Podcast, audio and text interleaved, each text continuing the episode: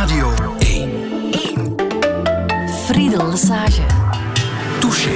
Live van op de boekenbeurs. We zitten inderdaad live op de boekenbeurs met schrijver Pieter Frans Tomezen.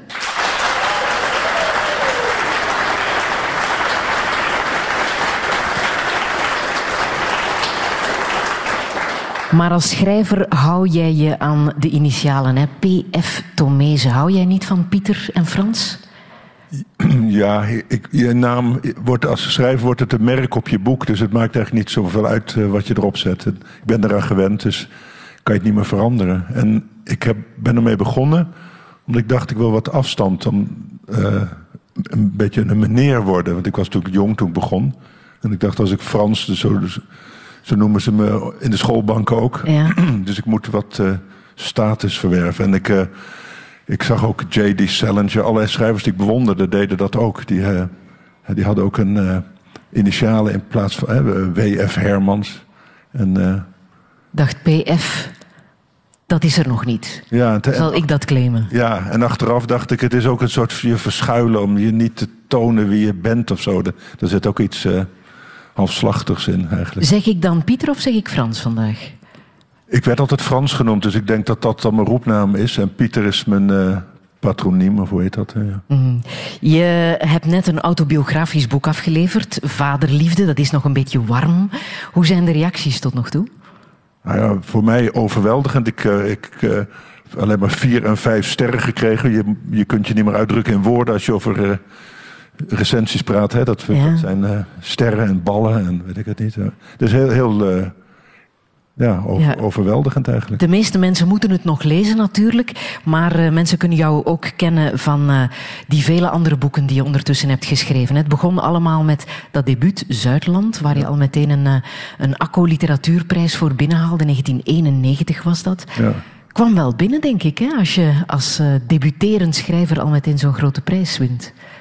Ja, het was eigenlijk veel meer dan ik ver, ver, verwacht had. Dus dat ik, ik ben daar inderdaad overdonderd. En later dacht ik wel, juist als je begint, heb je een soort uh, overmoed. Dus ik dacht wel toen ik begon te schrijven dat het allemaal uh, voor de eeuwigheid was en heel bijzonder en zo. Dus in die zin past het ook wel bij een debutant om zo uh, hoog geëerd te worden. Dus ik vond het. ja, ja, het heeft mij wel op de kaart gezet, zoals het dan heet. Hè. Dus ineens kent iedereen je en ook mensen die nooit boeken lezen, vond ik wel bijzonder. Ik woon in een soort volkswijk in Amsterdam en de slager en de tabakshandelaar en de... Dat is de schrijver. Ja. Ja, ja je had ineens een naam.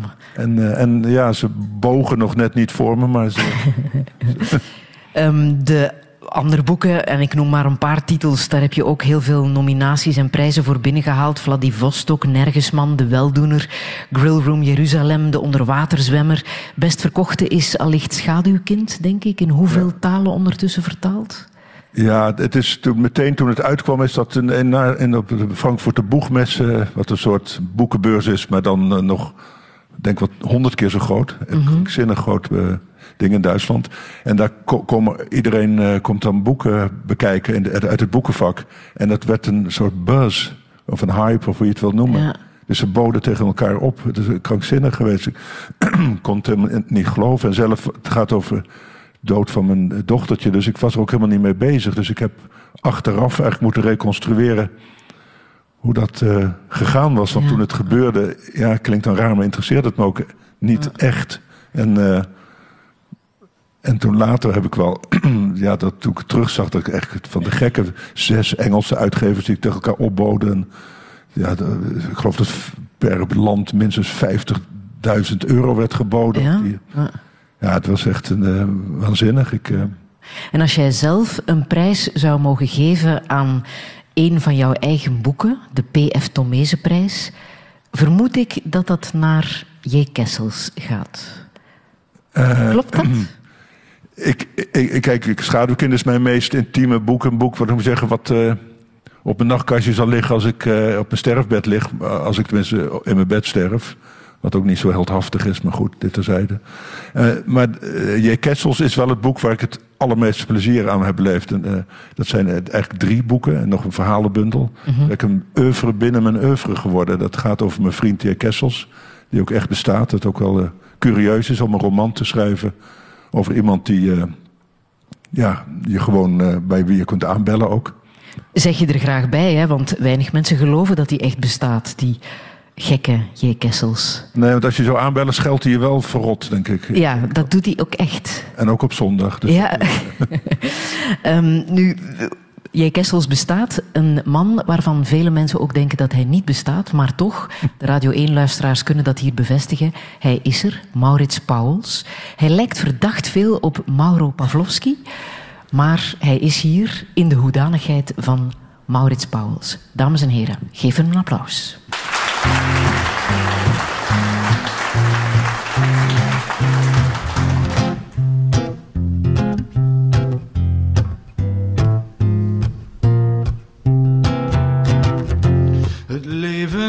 Maar een tijdseenheid in al zijn zielige meetbaarheid. Het leven dat maar heel even rijpt, als een puist op de eeuwigheid.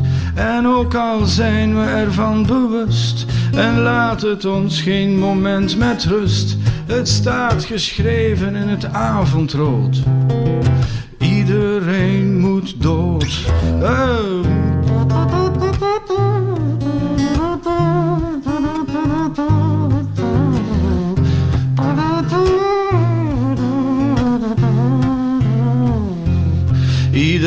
Ochtend schijnt de zon. Het is weer prachtig om te zien. De zon die schijnt op een massagraf. Het is weer prachtig om te zien. Nooit kan de mens de zon verlaten, want ze zorgt voor ons dagelijks brood. En al die tijd houdt ze ons in de gaten, want iedereen moet dood.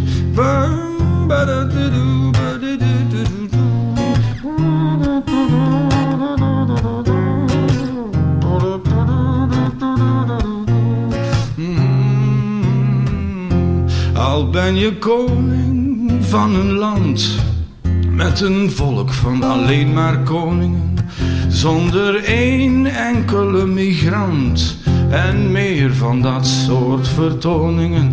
Zo lig je dan op je eigen strand en je leest het avondrood met een dure dame aan je hand. Iedereen moet dood. Oh.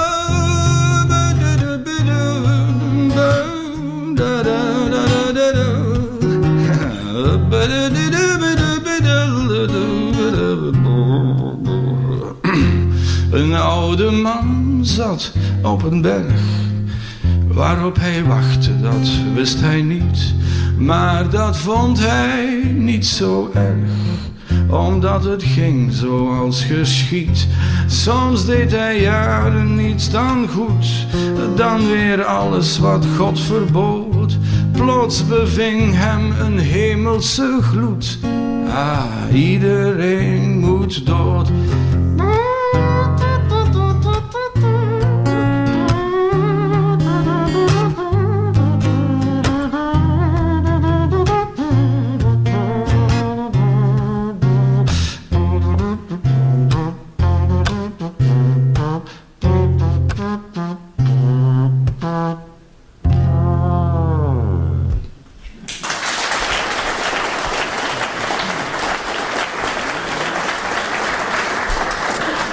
Maurits Pauwels als uh, eenmansconcert. Ja, er wordt uh, bespaard in de cultuursector. En dat is meteen voelbaar natuurlijk hier al op de boekenbeurs in deze live-uitzending van Touché. Hij zong, Frans Tomezen, het staat geschreven in het avondrood.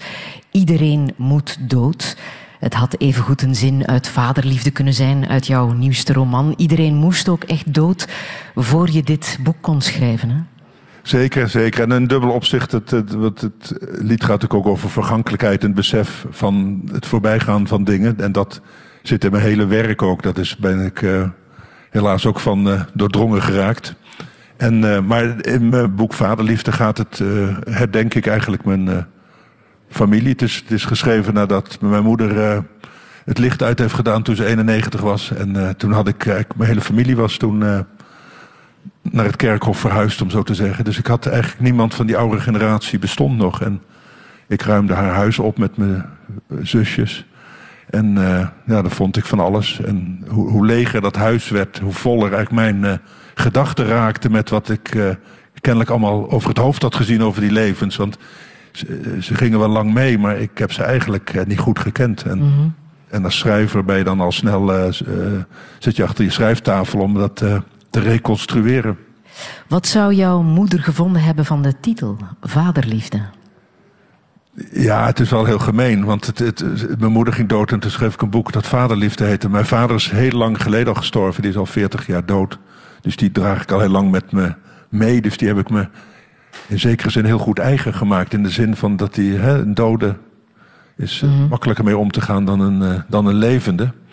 En uh, dus het was ook een ongelijke strijd, eerlijk gezegd, voor mijn moeder. Dus ik heb mijn moeder wel moeten uh, leren kennen in dit boek. En, ja, heb je ze beter leren kennen in het boek? Zeker. Ik heb, ik, ja, het is gek nu. Ik zit nu in Vlaanderen en dan realiseer ik me ineens... hier heb je een aantal boeken gehad... die enorme jammerklachten over overleden moeders. Ja, Tom Lanois natuurlijk mm -hmm. voorop. En, maar ook Erwin Mortier en, en Peter Verhelst nog onlangs. En dat waren drie moederskindjes dus kennelijk. Hè? En, uh, en ik ben kennelijk een vaderskindje. Dus, ja, want je schrijft zinnen die er wel behoorlijk in hakken. Hè? Ik wil er een paar voorlezen. Als ze niet mijn moeder was geweest, had ik haar vast een aardige en wellicht bijzondere vrouw gevonden. Ik had een moeder verloren die ik nooit had gehad. Er was een intimiteit verdwenen die er nooit was geweest. Achter de schone schijn voelde ze zich veilig. Ik probeerde haar te missen, maar dat lukte niet. En het gaat zomaar door. Ondanks haar negatieve, zeg maar gerust nihilistische filosofie, kwam ze tot een opmerkelijk positieve invulling van haar bestaan. Opportunisme, als een praktische vorm van optimisme. Mijn moeder was er een levend bewijs van. Dat zijn stevige zinnen, hè? Ja, er staan wel meer zinnen over haar die wat uh, invoelender zijn, moet ik zeggen. Maar ik worstelde daar inderdaad mee. Dat was een... Uh, ik, uh, ja, ik, ik, was eigenlijk begon, uh, van plan om daarmee te beginnen, omdat het zo uh, stuitend is of zo. Hoe noem je dat? Mm -hmm. Zo taboeachtig ook. Hè? Je kunt dat helemaal niet zeggen over je moeder. Dus het is eigenlijk... Over de doden niets dan goed. Ja, maar zeker over dode moeders. Moeders hebben toch jou gebaard. Ze hebben hun leven je, eerst je melk gegeven, later pap en toen mm -hmm. je boterham gesmeerd. Dus dat, die, dat hoort het niet. Hè? Dan, dus daar was ik me wel erg van bewust. Maar aan de andere kant schrijven begint ook bij het uh, intrappen van de heilige huisjes en niet met intrappen van uh, open deuren. Dus het is ook wel iets wat hoort als je als schrijver aan de werk gaat. Moet je je op dat terrein begeven waar eigenlijk zich niemand zich begeeft. Jij bent, dus ik voelde wel dat ik iets deed wat ja, niet, niet was toegestaan. -hmm. Maar hoe kwam het dan dat dit is wat jij van haar herinnert? Wie was zij dan?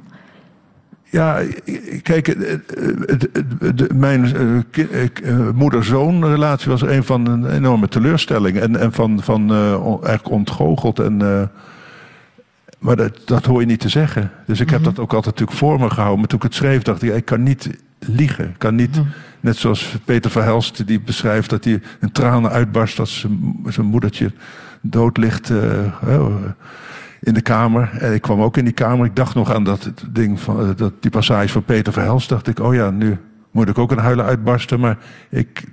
Dat ging niet. Ik zag een soort wassen beeld van iemand die ik eigenlijk niet goed gekend had. En toen moest ik op een gegeven moment toch wel huilen.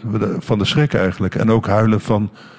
Van nu komt het echt nooit meer goed. He, dus het, het, de verwijdering is nu.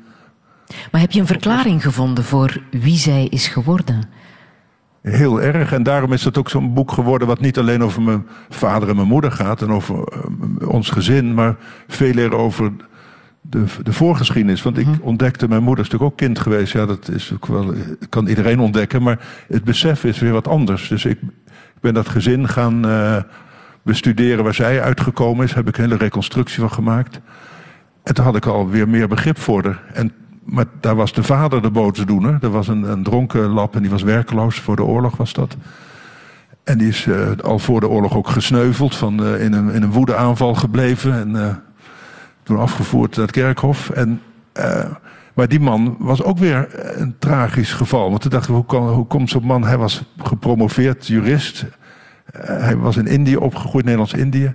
Ik dacht, hoe kan zo iemand zo wegzakken als tierende dronken vader die zijn kinderen bang maakt. En nou, toen kwam ik achter dat hij een heel eenzaam leven had gehad. Die Indische jongetjes, die werden, als ze een beetje konden leren, naar Nederland gestuurd. De ouders bleven daar achter. In zijn geval was het zelfs nog zo dat zijn vader, de vaders van mijn opa, zou maar zeggen, dat die uh, naar Nederland werd gestuurd met zijn ouders mee. Zijn ouders baarden daar nog een kind, een klein zusje. Ze gingen met dat zusje terug en lieten hem in, in, in Nederland achter bij een oom en tante. En dan heeft hij zes jaar lang. Uh, heeft hij zijn ouders nog één keer gezien, geloof ik. Tot ze, ze weer terugkwamen naar mm. Nederland. Mm. Dus jouw moeder heeft dat op een of andere manier ook allemaal meegedragen. Haar vader ook heel jong verloren, hè? En jong verloren. Maar al die eenzaamheid en, en misverstand en afstandelijkheid in zo'n familie... dat blijkt dan een estafettestokje te zijn wat, waarop eenzaamheid staat. En dat wordt steeds doorgegeven. En dat, dat, daarom ben ik in mijn verleden gaan duiken. En niet om uh, te hopen dat ik afstam van uh, Napoleon of uh, Julius Caesar of William Shakespeare. Een mooie passage is dat heb ik toch zo aangevoeld, dat ze jouw vader heel erg graag moet hebben gezien. Dat was grote liefde. Ja. Klopt dat? Mijn vader mij? Uh, tussen jouw moeder en jouw vader. Oh, je zei ja, ja, Nee, dat is een van de eh, grote ontdekkingen. Dat eh, als iemand doodgaat, maakt hij zich los uit de tijd. Hij wordt, hè, mijn oude moedertje werd ook iemand, een jong meisje of een kind. En al die gestaltes leerde ik kennen. En, en de gestalte van jonge vrouw vond ik het allerleukste. Ik vond ze echt een leuke jonge vrouw. En ik begreep ook heel goed dat mijn vader achter haar uh, aanliep. En, uh, en dat hebben we kunnen reconstrueren, eigenlijk hun liefdesverhaal. Mm en dat, Want ze was succesvol, hè? Ze had wel om het even wie kunnen krijgen. Ja, als je er foto's van haar ziet, ze heeft echt een, eh, een beetje filmsterachtig knappe vrouw. Veel knapper dan mijn vader. Maar dat, uh, dus mijn vader kon in zijn handen knijpen. Ik heb het ook zo. Ik heb ook een veel knappere vrouw, dus ik, uh, dat heb ik ook weer overgenomen. en jouw vader, wie, wie was dat precies? Ja, mijn vader is mijn grote ja, raadsel in mijn leven geweest. Het is een man van. ja, omdat hij zo jong gestorven is ook. Ik was 21 voordat je zeg maar zeggen, op gelijke hoogte komt en van, zeg maar zeggen, van man tot man een gesprek kunt voeren, was hij al weg. Dus ik, hij was altijd ver boven mij verheven in allerlei opzichten. En ongenaakbaar voor mij. En uh, ik bewonderde hem ook heel erg. Ik was ook bang voor hem. En ik was ook, uh, ontvluchtte hem ook. En ik rebelleerde ook tegen hem, al die dingen. Maar als ik zo, ja, alles bij elkaar, al die verhalen bij elkaar veeg ja, is het zo, heb ik zoveel aan hem te danken. Eigenlijk, mijn hele schrijverschap heb ik denk ik wel aan hem te danken. Want hij vertelde me altijd uh, hele mooie verhalen. Die allemaal verzonnen bleken te zijn. Maar dat maakt niet uit voor een verhaal. Een goed mhm. verhaal, uh, al is het waar, klinkt het ook als verzonnen. Want een verhaal is altijd mooier dan uh, ja. wat je zelf bedenkt. Maar, ondanks het feit dat hij zo'n goede verhalenverteller was... was er één verhaal dat je misschien toch liever echt helemaal van hem had willen horen. Je hebt documenten gevonden uh, over zijn oorlogsverleden. Hè? Ja. Wat heb je daar precies in ontdekt dat je niet wist? Nou, dat hij, ik dacht dat hij een, uh, een, een, hier heet dat een zwarte geloof ik, een collaborateur was. Dus dat hij uh, meegedaan had met het, uh, de Duitse bezetting. En hij was doorgaan studeren als rechtenstudent. Hij had ook een briefje ondertekend waarin hij die wetten van de bezetter erkende en uh, beloofde niet te zullen bruskeren. Ja, dat, dat gold in Nederland toch als landverraad. in een lichte vorm weliswaar, maar toch.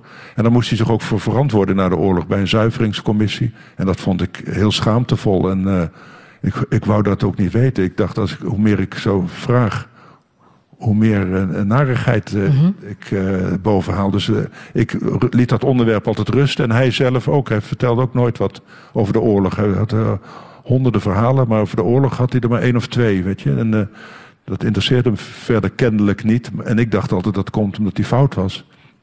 Maar wat ik uit die papieren opmaakte, was dat hij in het gewapende verzet had gezeten en standguns had uh, gebruikt en ook vervoerd had door Haarlem, waar zij woonde. Haarlem hè, bij Amsterdam. En, uh, en ook bunkers in de, in de duinen bij Haarlem had beroofd. Hè. Je hebt hier. De Belgische kust heb je natuurlijk ook die, mm -hmm. die bunkers van die Atlantikwal. En, en daar, daar zaten die Duitsers in de Engelsen tegen te houden, zou ik maar zeggen, die daar misschien aan land konden gaan. En die zaten vol met wapens ook. En die heeft hij daar leeggeroofd. En uh, dat ben ik allemaal achtergekomen. dat is allemaal ontegenzeggelijk zo gebeurd. Daar heb ik er echt een bewijs van gevonden. Hij is ook in een kamp opgesloten geweest, een dwangarbeiderskamp. Maar dat werd door de aanklager na de oorlog vergeleken met Bergen-Belsen. Dus echt als vernietigingskamp aangemerkt. Omdat doelbewuste mensen doodgehongerd werden en doodgeknuppeld. En zo hard moesten mhm. werken dat ze. Dat heeft hij allemaal meegemaakt. En toch heeft hij daar nooit iets. Geen woord over gezegd. Hoe, hoe komt dat, denk je? Nou, hij is gestorven in 1979 en al die onthullingen komen echt uit de jaren 70, jaren 80 beginnen de eerste ook Joodse kampoverlevenden daar iets over te zeggen. In het begin was het onmogelijk, omdat de maatschappij was er niet naar. De, de Nederlander en de, en de Belg, denk ik ook, wilden het niet horen. Iedereen was natuurlijk neutraal geweest, om zo maar netjes uit te drukken. En ze wilde natuurlijk niet horen dat, wat er met de Joden was gebeurd en wat met de anderen was gebeurd. En dat iemand anders in het verzet had gezeten en jij niet. Dus er was geen gewillig oor voor om, om het aan te horen. En daarnaast denk ik, als je in het verzet hebt gezeten. Ik heb later ook een tante, had ik, die heeft mij later wel verteld wat ze heeft gedaan. Die mensen hebben doodsangst uitgestaan. Die mensen hebben misschien wel oog in oog gestaan met iemand die ze gedood hebben die mensen hebben van alles gedaan wat, uh, waar je als gewoon mens ook voor naar de psychiater gaat. Dus ik denk dat, dat ze dat niet konden, onder woorden konden brengen. Het was makkelijker om te zwijgen. Ja. En je kon er, kijk, je zou de neiging hebben, hij is een held, dus je wil er een beetje over opscheppen. Maar opscheppen over iets wat vanzelf spreekt, of opscheppen dat je iemand hebt gedood door hem in zijn rug te schieten. Ik weet niet of je dat in de praktijk mhm. doet. Dus ik denk dat de werkelijkheid zo uh, ingewikkeld voor hem was dat hij dacht, als ik er nou niks over zeg, dan, uh, dan uh, blijft het, uh, bestaat het misschien ietsje minder. Ja. Zullen we een fruile opvoeren, Maurits Pauwels? Die komt ook voor in het boek. Zullen we straks over verder praten? Dit is een nummer van Jules de Korte.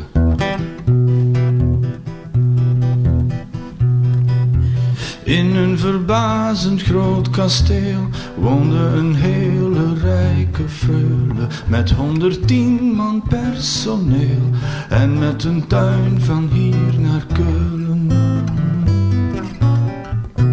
Iedere lente zaten daar duizenden vogels blij te fluiten, duizenden vogels bij elkaar, dat er je oren haast van tuiten.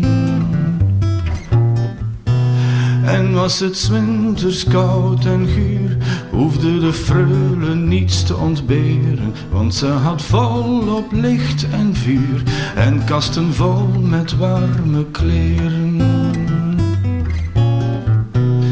Als ze maar wenkte met haar hand, knikten en renden haar bedienden. En alle rijken van het land waren met haar de beste vriend. Iedereen dacht van groot tot klein. Freule heeft nergens iets te vrezen. Freule heeft nooit bedroefd te zijn. Freule zal best gelukkig wezen. Zo dachten allen in het rond, ook alle knechten en lakeien. Enkel haar kater en haar hond hoorden haar s'nachts soms zachtjes schreien. Zijn alle mensen jong en oud nog zo inschikkelijk en oplettend? Maar als er niemand van je houdt, ben je alleen en dat is ontzettend.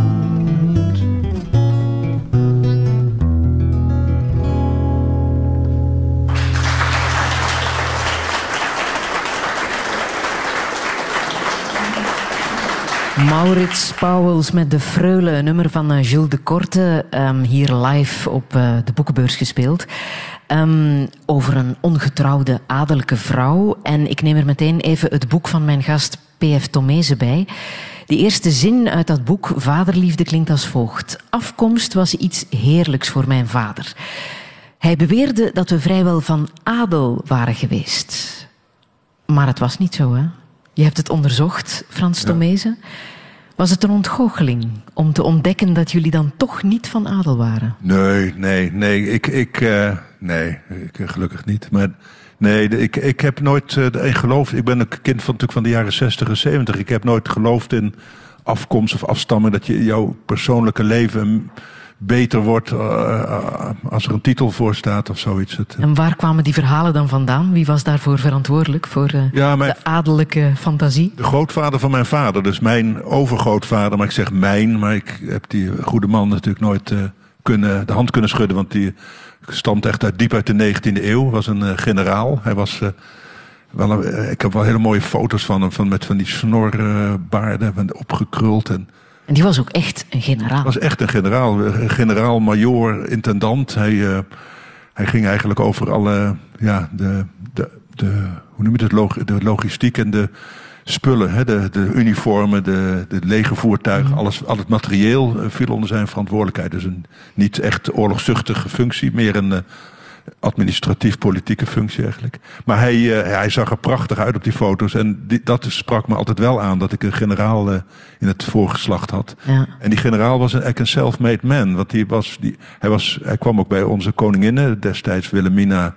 En koninginmoeder uh, Emma, die is de moeder van Wilhelmina. Toen Wilhelmina jong was, had hij nog een regentes, dat was haar moeder. En daar kwam, het was in Den Haag en daar ging hij op de fiets naartoe. Dat weet ik dan wel. Dat werd ook altijd en dan werd die, die op die bordestrappen werd, kwam er een, een, soort vaandricht die dan die fiets als een soort uh, valet parking uh, meenam. En dan ging hij uh, al die trappen op naar het paleis. Dus ja, dat vond ik wel altijd als kind fantastisch. Wat ze daar bespraken interesseert me dan minder. Ik, ja. Niet zo heel boeiend zijn geweest. Maar dat beeld vond ik altijd heel mooi. En hij is een self-made man. Dus hij dacht, ik kan niet zomaar bij de koningin aankomen. Want mijn vader was huisschilder. Of huisverver heette dat in de 19e eeuw. Die, hè, dus, uh, die, die, die, dat was een ambachtsman. Ja.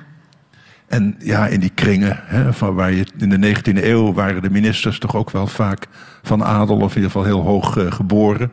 Dus ik denk dat hij dat verhaal uh, is, is gaan oppoetsen en, en, en, en verfraaien. Dat streepje staat sindsdien ook op onze E. Het accent aigu. Ah, accent aigu moet ik zeggen. Ja, op de naam Tomezen. Daar is hij voor verantwoordelijk. Ja. Dus hij, hij, heeft er wel alles aan gedaan om ons uh, uh, een hogere positie in de maatschappij uh, te geven. Dus ja, is, ja. De oudste Tomezen, en misschien ook wel richting bepalend voor jouw stamboom, blijkt een voetsoldaat van Napoleon te zijn. Zover ben je terug in de tijd geraakt. Ja, ik Wat... wou het wel weten, want zij hadden dat verhaal, dus die grootvaders van mij en overgrootvaders, dat die Tomezes hugenoten waren die uit Parijs waren verdreven en in, in, in Den Haag en andere plaatsen in Nederland zilversmid werden. Eh, daar ook heel uh, veel eer mee inlegden. Die, inderdaad zijn er allerlei zilverstukken van Albert de Tomese en Jan de Tomese in het Haags Gemeentemuseum en Museum Boymans in uh, Rotterdam. En dan gingen wij dan altijd naar kijken. En wees mijn vader, dat is van, van jullie, uh, eigenlijk van ons is dit. Het staat wel in het museum, maar het is eigenlijk van ons. En wij geloofden dat natuurlijk. En, uh, en dat verhaal, daar ben ik, uh, dat, dat moest ik meteen al ontkrachten toen ik even terugliep in de tijd. Want de, de, de, de oma van de generaal was misschien wel een prostituee, maar in ieder geval een dienstbode die op hele jonge leeftijd zwanger geschopt was. En, uh, en, en zoon baarde, die later huisschilder. En die de vader is dan van, de, van die generaal. Dus, het, en die, dus die dienstbode, ja, dat was een heel laag beroep. Dienstbode en prostituees werden in één register ondergebracht. Want dat, dat dacht ik wat vreemd eigenlijk, maar later begreep ik het wel. Dat waren meisjes of vrouwen die niet getrouwd waren en in een vreemd, onder een vreemd dak sliepen. Ja. dus die waren ondergebracht bij hun baas en dus ja, uh, seksueel, laat ik zeggen, los. Hè. In de praktijk was natuurlijk de tragiek dat die dienstbodes gewoon natuurlijk aangerand en verkracht werden door die uh, mensen bij wie ze woonden. Dus ik, ik, ik, hoop tenminste dat voor mijn voorgeslacht dat de dienstbode geen hoer was, maar een, uh, een meisje wat het slachtoffer werd van opgedrongen liefdesbetuigingen. En, uh, en toen ben ik dat verder uit gaan zoeken. En toen bleek het allemaal hele uh, eenvoudige lieden te zijn. Die uh, in, in Leiden woonden, allemaal in stegen. En een van die uh, dus de vader weer van dat, die dienstbode, die was in het leger van Napoleon getreden. En later ook nog, dat staat dan niet meer in mijn boek, dan kwam ik later achter, ook nog in het Nederlandse koloniale leger voerde die naar Suriname enzovoort. Dus dat was een beroepsmilitair. En dat, uh, ja, dat heb ik uitgezocht. En vooral die, dat, dat, die voorvader in het leger van Napoleon vond ik erg leuk, want ik ben ook historicus van opleiding en ook van interesse. En Napoleon hoort toch wel tot uh, de meest spectaculaire figuren. In ieder geval die periode is ook heel interessant. Dus maar dan wel heel pijnlijk natuurlijk als je zelf wordt afgekeurd voor het Nederlandse leger. Ik blijk uit een behoorlijk uh, militair geslacht te komen. En ik, uh, ik ben inderdaad afgekeurd toen. En ik ben echt een Slapjanus, ja. Dat is, maar je hebt nooit echt een, een, hoge dunk over jezelf gehad. Zeker niet als, als jonge man, want je schrijft ook in het boek... Ik leefde als kind in de overtuiging dat ik tegenviel. Dat mijn vader daarom zo woedend op mij werd. Ze hadden vast liever een andere zoon gehad. Waarom dacht je dat? Ja, omdat ze zoveel afkeurden van mij. Ja. Dus het is, ik of denk, dat was nou- het gevoel dat je had? Ja, het was ook wel zo. Ik heb het ook wel bevestigd gekregen bij mijn andere zusjes. Dus dat is wel iets wat. Ik denk dat hij zijn teleurstelling over zijn eigen leven uh, in ons weerspiegeld zag. En, en, en dat is eigenlijk de kern van die, mijn boek geworden. Dat de teleurstelling van mijn vader, dat, die, dat het leven hem niet heeft gebracht wat hij uh, had gehoopt en verwacht. En, en want hij was een hoogbegaafd iemand. Hij was veel slimmer dan, dan wij allemaal bij elkaar. Dus hij was, hij, hem werd ook heel veel toegedicht van later, als Frits heet hij. Als hij later uh, de maatschappij ingaat, zullen we versteld staan van hem. En dat klopt inderdaad, want hij had zijn twee beste vrienden. Hebben toen ook heel ver geschopt. Zijn, zijn ene vriend was president van de Hoge Raad, dus het hoogste rechtscollege in Nederland. En zijn andere vriend was professor Jan Pen. En dat was toen de beroemdste econoom van Nederland, die altijd op televisie kwam en hoogleraar was. En ook in uh, gastcolleges gaf in Engeland en Amerika. Echt wel een. Uh, dus dat waren zijn beste vrienden. Dus wij vonden het ook altijd gek dat hij zulke. Ja. Uh, zulke vrienden had. Maar dat vonden die vrienden heel normaal. Die vonden het alleen heel gek dat mijn vader niet meegedaan had met hun, met die carrière maken. Ja, dat bleek maar niet te lukken. Hè? Het bleef altijd maar steken in zijn leven. En dat verklaar ik wel door zijn oorlogservaringen. Denk ik, dat dat komt. Maar, maar daardoor was hij, zag hij bij mij weer. Ik bleef zitten. Ik, ik, ik stopte ah. drie maanden met mijn eerste studie uh, enzovoort. Dus ik, ik leek uh, de geschiedenis uh, nog eens dunnetjes over te doen. En in een nog matiger gedaante. Dus dat, dat, ik denk dat hij uit angst dat ik de boel nog verder naar beneden zou trekken. Ja, eh, eh, woedend op mij werd steeds. Ja, maar je hebt het goed gemaakt bij het begin van jouw schrijverscarrière. En dat fragment kan je misschien even voorlezen. Um, het is een, eh, een, prachtig fragment dat we zeker hier op de boekenbeurs uh, moeten lezen, omdat het uh, ja, daarmee te maken heeft. Hè. Um, ja, dat is het eind, eind, van het boek al. Ja. In het jaar dat hij zal sterven. En ik uh, mijn eerste schreden zet in de maatschappij als uh, leerlingsjournalist van het Eindhovense Dagblad. Mijn eerste stuk onder eigen naam was een recensie van Paniek der Onschuld van Harry Mulisch. Dat ik zo grondig afbrandde dat niemand waarschijnlijk ooit nog van dat boek gehoord heeft. Het was, een, het was zo'n sensatie om mijn eigen naam in druk te zien dat ik niet kon geloven dat ik het was die de recensie had geschreven. Ik voer, ervoer daar voor het eerst dat een schrijver als schrijvende in zijn tekst verdwijnt en dat het een ander is die eruit oprijst. Met ongekende zelfverzekerdheid wordt de arme Moelies door de scribent in het gezaghebbende Eindhovens Dagblad weggezet als representant van die typisch Haarlemse traditie van literair geposeer en ijdeltuiterij. Die begon bij Willem Bilderdijk en die via Lodewijk van Dijssel en Godfried Bomans zijn apotheose beleefde op de zelf opgetuigde pauwentroon van Harry, die daar in het centrum van de eigen dunk meer dan genoeg veren tot zijn beschikking had om in zijn eigen reet te steken. Ik had dit inzicht overgenomen van mijn vader, die de oude van Dijssel, woonachtig aan de dreef, wel eens had zien lopen. En die Bomans en Moelies had meegemaakt op feestjes en dergelijke. Het stuk waar mijn naam boven stond, was zelf ook niet bepaald gespeend van pose en aanstellerij. Dat superieurdere toontje alleen al. Maar dat had ik als tweede generatie Haarlemmer toen vast niet in de gaten. Mijn vader was apetrots. Ik had hem nog nooit zo trots op mij gezien. Ik had hem voordien eerlijk gezegd nooit trots op mij gezien. Complimenten bederven het karakter.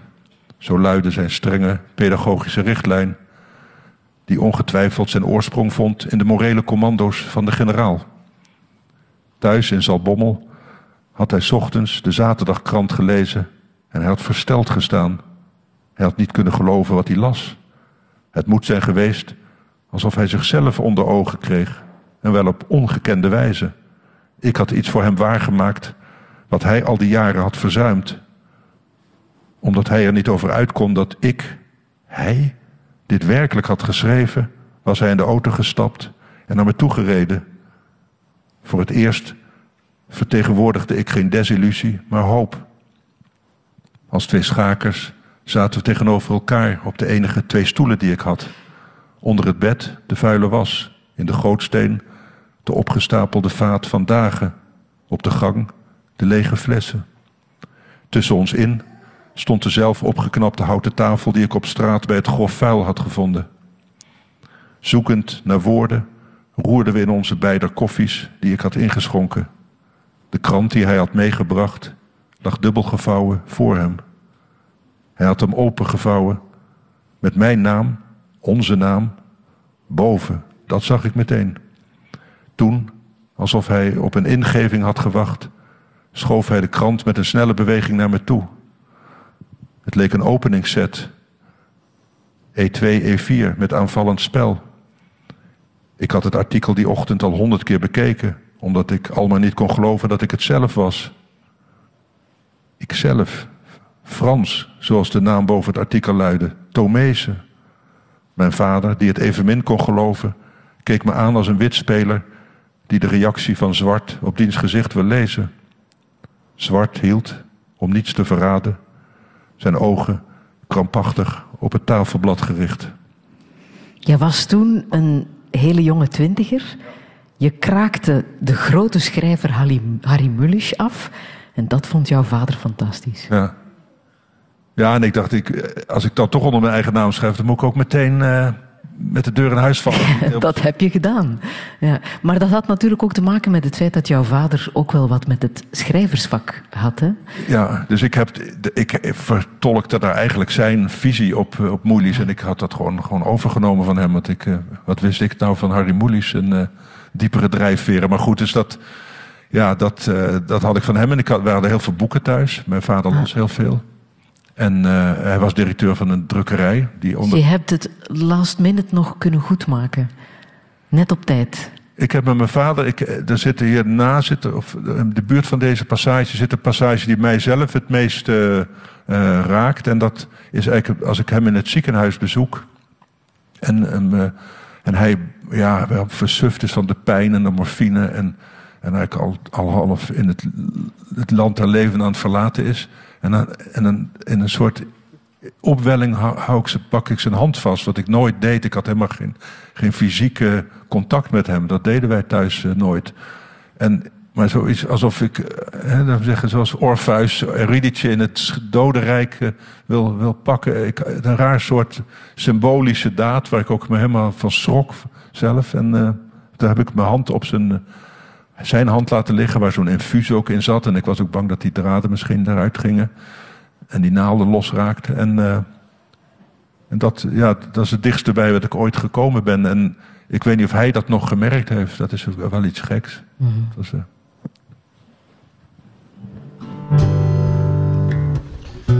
Our conversation was short and sweet. Nearly swept me off my feet, and I'm back in the rain. Oh, and you are on dry land.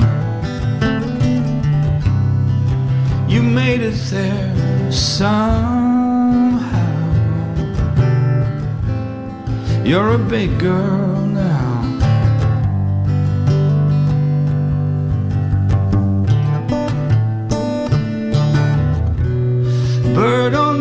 horizon, sitting on a fence.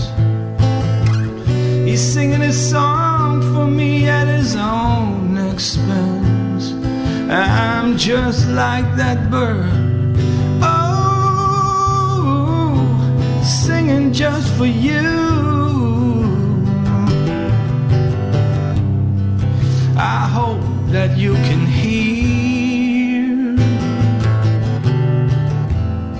hear me singing through these tears.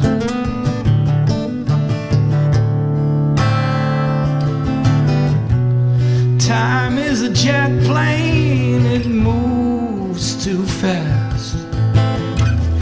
Oh, but what a shame if all we've shared can't last. I can change, I swear. You can do.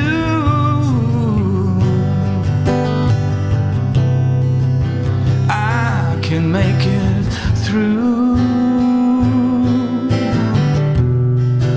You can make it too.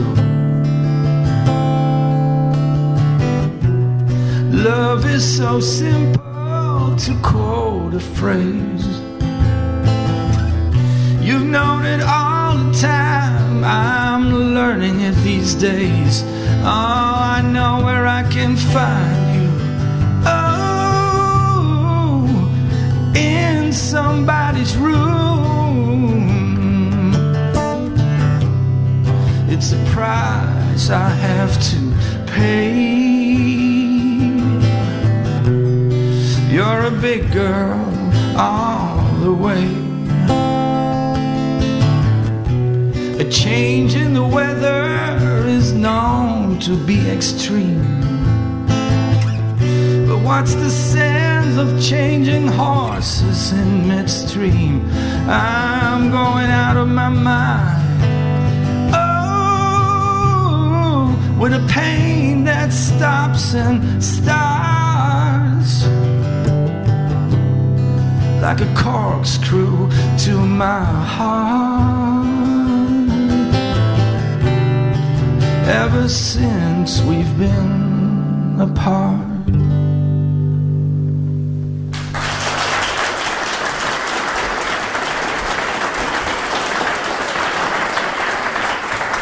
Maurits Pauwels met een eh, cover van Bob Dylan, You're a Big Girl Now.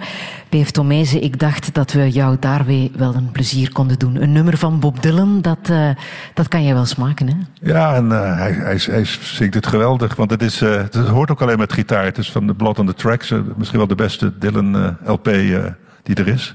En het gaat over sch- scheiding en verlies. En ja, het is prachtig. En, ja. Je bent er ondertussen even komen Hallo. bijzitten. Welkom, eh, Maurits Pauwels, Mauro Pavlovski, wat mag ik zeggen? Alle twee. Ja, Ja. Mauro Maurits. Ja. Want Maurits gebruik je als je Nederlands Als. Vlaamse zanger ehm, eh, ben ik Maurits Pauwels. En Mauro Pavlovski is dan Pools-Italiaans. En zo scheid jij jouw beide werelden een beetje. Ja, we moeten een beetje eh, overzichtelijk blijven, vind ik wel.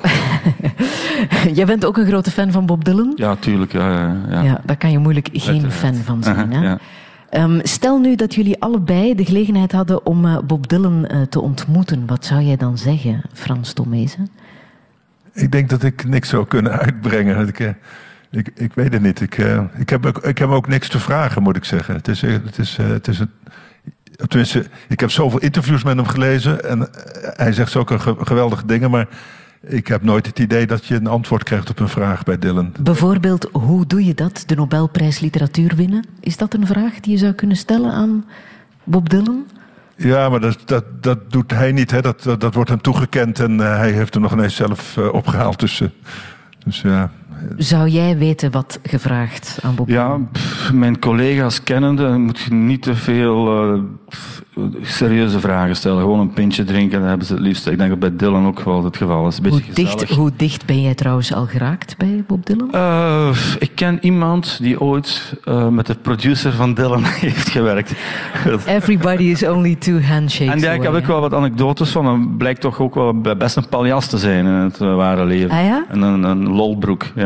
Eh, wat weet je daarover?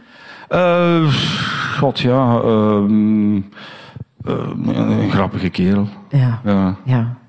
Ehm, Frans, eh, wat muziek betreft staat er ook wel een en ander in jouw boek te lezen. Jij hebt een eh, ehm, grootmoeder, overgrootmoeder, die sopraan was? Mijn grootmoeder, de van grootmoeder. mijn vader, ja. Ja, sopraan. Hoe goed was zij? Ja, helaas, die tijd, als je trouwde, stopte je ermee. Dus het werd, werd toch als een beetje een minder zedelijk beroep gezien. En, eh, en een man die met een, zangeres trouwde, had geen zin om die eh, achter in busjes, ja, die waren er toen nog niet, maar bepoteld te zien door allerlei eh, medemuzikanten. Dus ik denk dat het, het werd als een, ja, daar stopte je mee. Maar ze had een, tot op haar dood een schitterende stem als een, als een klokje van glas. En heb jij dat mogen erven, die schitterende zangstem? Nee, je hoort het toch? Nee, dat is, eh, Ja, maar spreekstem en zangstem, daar is een verschil, hè? Dacht ik. Denk ik wel, ja. Maar zing jij wel eens, Frans Tomeer? ik, ik zing wel mee met, eh, met de autoradio en zo. Hè. Ah ja? Favoriete nummer in de auto? Ja, ik zei voor de grap, eh, een nummer van Queen had ik tegen jou een keer gezegd, maar dat, ik weet niet of dat waar is. Doe ik wel met mijn kinderen. Mijn kinderen zijn dol op, eh, op Queen en dan, eh, En dan zing jij mee. ja, tweede stem of zo, derde stem. Ja, met wat. stem van Freddie Mercury meezingen, dat is niet zo makkelijk, Nee. denk ik. Hoog nogal, hè? Ben jij een, eh, een autozinger? En of. Ja? Ja, dan mag het, hè. Schaamteloos. Ja, ja. Wat zoal? Dat is ook zo, eh, een een burger ben ik dan. Dat is veel leuker dan als professional. zingen. Eh, als er kinderen in de auto zitten, ja, dan eh, kies ik, dan moet ik meezingen, zoals eh, eh, van Edmund van Buren. All we ever do is bla bla bla bla. Dat- die dingen, ja. Ah, doe mee, ja. Ben jij ook een lezer? Eh, ja, ja, toch wel. Wat lees jij graag? Eh, ehm, als twintiger las ik eigenlijk bijna alleen maar eh, eh, eh, Nederlandse literatuur uit de jaren 50, 60. De Hermans, Reven, Mullisch, eh, die dingen, Vestijk. Dat, was ik, dat heb ik allemaal verslonden. Dat is ook, ja. Geen Boon en eh, Klaus. Oh, toch wel, ja, ook wel. Ook wel. Maar, maar toch meer de Nederlandse kant. Op een of andere, meer of andere reden. Ik, vond ik zeer meeslepend. En inspireren boeken jou bij het maken van muziek? Ja, dat is hersenactiviteit, dus ja, het doet iets. Mhm. Maar echt literair, nee, ik heb geen literaire ambities of zo. Nee. Ik schrijf dan wel teksten en zo. En eh, ja, misschien heb ik, ik heb het zal ongetwijfeld ook wel wat geleerd hebben. Ja, ja. Je hebt trouwens een mateloze bewondering voor mensen die hun teksten uit het hoofd kennen. Hè? ja dat zijn die, dus onmas, kun je ontmaskeren als buitenaardse wezens voor mij. Waarom? Omdat dat bij jou zo- niet lukt. Ja, dus, eh, ook omdat het zondag is. ik zit namelijk in de showbiz en zaterdag is een topdag altijd bij mij. Ja. Dus eh, 1 plus 1 is 2. Ja, en dan is het nuttig als je je tekst Was bij leuk, hebt. ja, ja. ja, ja. Omgekeerd, eh, inspireert muziek jou bij het schrijven, Frans? Ja, ongelooflijk natuurlijk. Ja, want het- muziek is natuurlijk meer dan eh, wat dan ook eh, bij machten om, om emoties te, te beïnvloeden, te sturen. En, en eh, als, als schrijver wil je natuurlijk ook dat er emotie in je tekst komt. Dat ik een, een, een, een- roman of een verhaal is toch op een emotionele manier iets begrijpen. En niet zozeer op een intellectuele manier. Daar kunnen wel mooie zinnen in staan of mooie gedachten. Maar het moet toch ergens je, je raken. Hè? Een soort gevoel van desolaatheid of gevoel van medelijden of gevoel van angst. Of weet ik, al die, en, en ja, muziek is natuurlijk in zo'n nummer van drie minuten. Er zit al een hele, een hele voor mij al een, een hele achtbaan aan gevoelens in. Dus dat is, vind ik altijd heel eh, fijn om te, te merken. En dus, eh, ik heb wel bijvoorbeeld, eh, hier op tafel ligt J. Kessels de novel. Dat is een van mijn drie J. Kessels boeken. Dat heb ik wel eens voor de grap gezegd, maar dat meende ik ook wel. Ik heb een roman willen schrijven als een country song. Want een country song, dat is echt ja, het mooiste wat er is. Want Ja. Dat is echt een, een smart lab, maar het is, het is intelligent vaak, geestig. Oh, Ja, er gaat een hele wereld eh, open. Er, zitten altijd mensen een paar plaatsnamen in zo'n nummer, dus je bent al meteen eh, hè, eh, onderweg. Dus dat, En dat, dus dat boek is eh, vo- volledig door, door country geïnspireerd. En ik vind, er zitten ook heel veel teksten in van zangers die, ja, die Mauro misschien kent, maar die echt bijna niemand. Trouwens, een aanrader voor jou, hè? J. Kessels, de novel en de andere J. Kessels boeken, kan ik jou aanraden. Ah, dankjewel. Ja, dan weet jij vanavond met wie je naar bed kan. Ah, oké. Ja. maar je hebt ook eh, componisten al opgevoerd hè, in, in eh, jouw boeken. Ja, en ik heb een roman dit De Weldoener. En er komt een, een, een componist die, eh, voor die echt in deze tijd niet thuis vo- voelt. En het liefst van die koormuziek. Een beetje 19e eeuws type, een beetje Broekner-achtige figuur. Hij woont dan in Haarlem en eh, met een zoon die eh, met allemaal eh, leuke meisjes eh, naar bed gaat. En die, die, dan hoort hij die, eh, dat bed eh, kraken boven hem. En hij probeert zich maar te concentreren op die, ja, op die hogere opdracht die hij zichzelf heeft toegekend. Ja, ik vind dat heel. Ja, dat, dat ontroert me altijd, zou ik maar zeggen. Ik, ik heb dat on- ontleend aan een componist die ik kende in Haarlem. Die helemaal in die oude trant werkte. En die, die, die, ontbood mij ook altijd als mede-kunstenaar.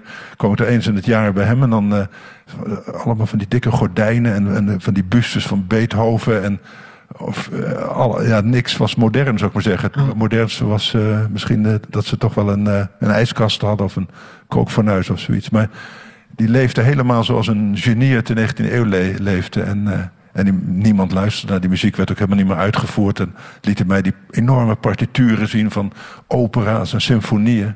Ik dacht, ja, ik vond dat zoiets, eh, Ja. ja, ook wel huiveringwekkends, maar ook iets wat geestigs en ontroerends en ook dapper enzovoort. En, maar ook bizar. Dat ik dacht, ik ga jou eens een keer in een, eh, in een boek eh, vereeuwigen. En het gekke was dat hij zich totaal niet eh, in herkende. Want hij zag, zo mislukt was hij niet. Zo. Luisteren jullie naar muziek in films? Als je naar films kijkt, luister jij dan naar Ja, de uiteraard. muziek? Ja, toch wel. Ja. Ja.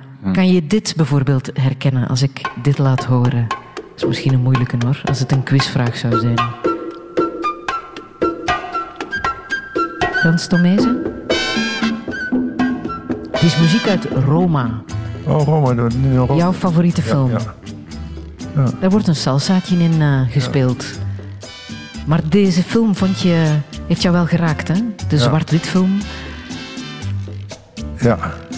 Ben u nog heel erg naar de muziek aan het luisteren. Ja. Waarom heeft die jou zo geraakt, die, eh, die film, Roma? Eh, ja, dat is volgens mij een misverstand. Er zijn twee films Roma. Dit is Fellini. Die raakt mij ook heel erg. hoor. Maar ik, had, ik bedoel die film van Quaron. En dat is een... eh, Ah, oké. Ja, dat kan. Maar de, ik vind Fe- Fe- Fellini vind ik, eh, is ook een van mijn favorieten. Ja, hier betrappen we onszelf op een foutje.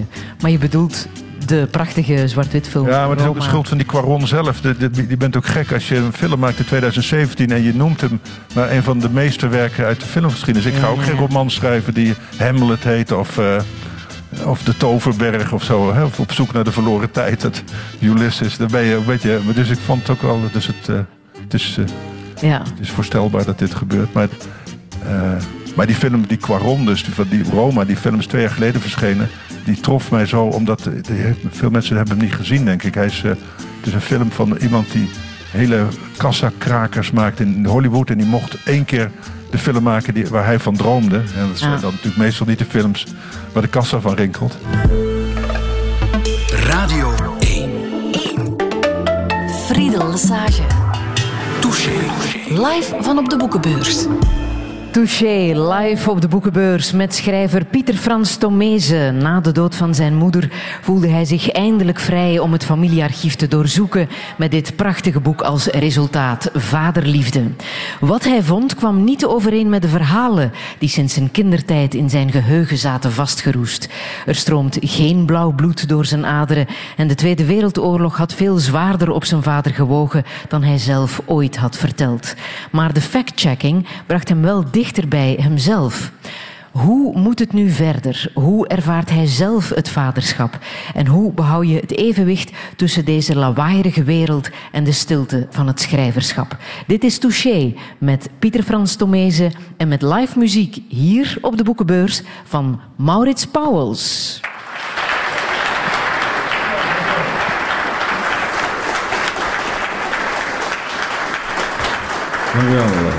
It's great to be back.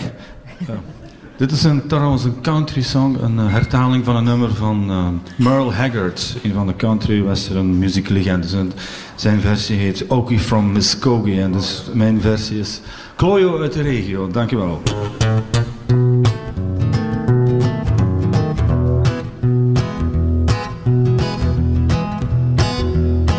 Wij zijn niet van het soort dat alles wil verdragen.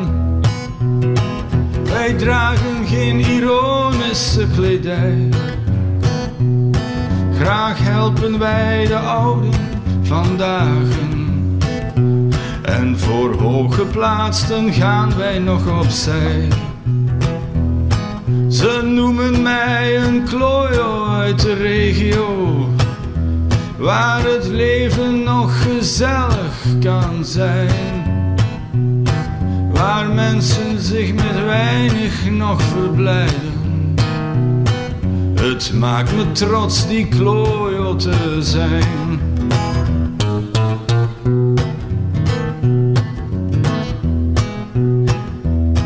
Hier leest men geen weekendbijlagen met een teveel aan cultureel fatsoen.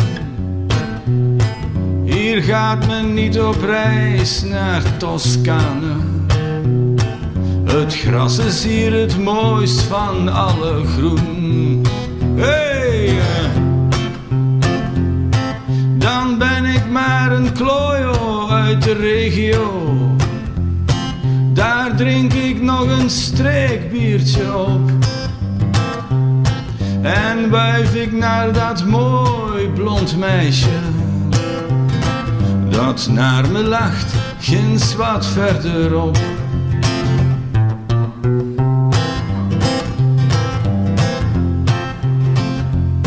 Het gaat niet al te best met de wereld. Ik zie het elke dag op tv. Toch moeten wij er iets van maken.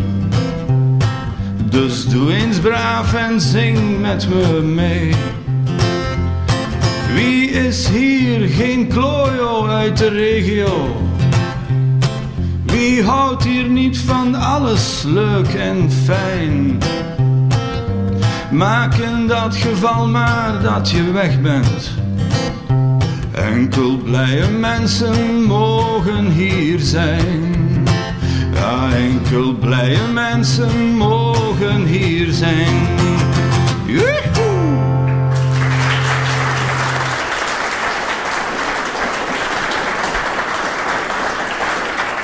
Maurits Pauwels, enkel blije mensen mogen hier zijn. Check, ik zie hier alleen maar blije Radio 1-luisteraars. Een blije Maurits Pauwels en een heel erg blije Pieter Frans Tomezen, nochtans, nochtans. Vanmorgen hoorden wij in het nieuws dat er zwaar bespaard zal worden in uh, de cultuursector. Um, daar wordt uh, ook uh, zwaar op gereageerd. Pieter Frans Tomezen, um, wat denk jij als je zoiets hoort uit onze contraien, dat er moet bespaard worden op de cultuursector? Ja, in Nederland hebben we dat al een paar jaar eerder gehad. En uh, het was toen ja, symboolpolitiek, want er wordt al zo weinig uitgegeven aan kunsten. Hè, naar verhouding, als je de rijksbegroting bekijkt, zijn dat uh, hele kleine percentages. Dus je doet dat om voor de bühne. Een minderheid houdt van kunst. Dus je stelt een meerderheid tevreden door iets af te schaffen waar die meerderheid zich helemaal niet druk over maakt. En, en in Nederland heeft dat als resultaat gehad dat uh, de hele muzieksector uh, nog steeds zijn wonden likt en even deels vernietigd is. Violisten van de eerste rang, pianisten, hele, hele ensembles zijn werkloos geraakt en hebben werk op moeten geven. Mensen die misschien 20, 30 jaar in de muziek zaten, zijn uh, ja, aan, de, aan de bedelstaf geraakt. En het is een schande, vind ik. En uh, dat, als je dat in welke andere sector zou doen, zou dat uh, tot gele hesjes en weet ik wat leiden. En in de kunst kun je het straffeloos doen. Er kan natuurlijk met een scherpe pen geschreven worden. Ja, maar een botte bijl reageert zelden op een scherpe pen. Dus dat, ja. Heb jij ooit geschreven als reactie op uh, besparingen in de cultuursector? Heb jij je stem daarover laten horen? Ik geloof daar totaal niet in. Ik geloof niet in. Uh, kijk, omdat het een minderheid is. Het, kijk, als het nou eh, gedragen wordt door. Uh, hè, je die gele hesjes. Of in Nederland heb je nu de onderwijsstakingen of de boerenprotest. Mhm. ja, dat wordt door een heel grote groep mensen gedragen. Maar er is ooit eens een mars. Lange mars van de beschaving of zoiets geweest in Nederland. Waar allemaal acteurs en muzici in rondlopen liepen. Nou, die werden gewoon uitgelachen. Dat zag er zo treurig uit, omdat het ook allemaal bekende gezichten waren van televisie. En ja, er werd alleen... Dan wordt dat niet geloofd. Dat ook zij wat uh, financiële steun kunnen gebruiken. Ik merk ook, eh, als je een keer met je hoofd in de krant hebt gestaan, denken ze dat je miljonair bent. Dat is heel gek. Dat is, uh, wie beroemd is of bekend is, is meteen ook heel rijk. Mm -hmm. Dat is zelden het geval, weet ik uit ervaring. Hoe moeilijk is het overleven als, als schrijver in jouw geval? Uh... Ja, ik ben al 30 jaar publiceer ik boeken. Daarvoor schreef ik alleen voor kranten. Daarna nu ook nog wel eens publiceer ik. Het is voor krantenschrijvers onmogelijk geworden. Er wordt zo slecht betaald. Ik, ik verdiende 30 jaar geleden, zou ik maar zeggen, nominaal misschien wel vijf keer zoveel als ik nu krijg. Mm -hmm. Dus het is echt. Dat heet content hè, bij, die, bij die investeerders. En daar hebben ze geen geld voor over, want ze kunnen het net zo goed jatten, uh, verkopen aan elkaar, weet ik wat, bewerken hè, en naam eraf halen. En, dus het, het, de, de, de waarde van de geschreven tekst is enorm gedevalueerd in de laatste, vooral tien jaar, denk ik, vijftien jaar. Mm -hmm. En als schrijver, dan ben jij nog een van de gelukkigen, denk ik, die goed ja, verkoopt. Boeken, boeken is wat anders. Kijk, boekenlezers die willen gewoon een, nog een boek lezen. Dus die, er werd ook wel gezegd, die gaan allemaal op e-readers en zo.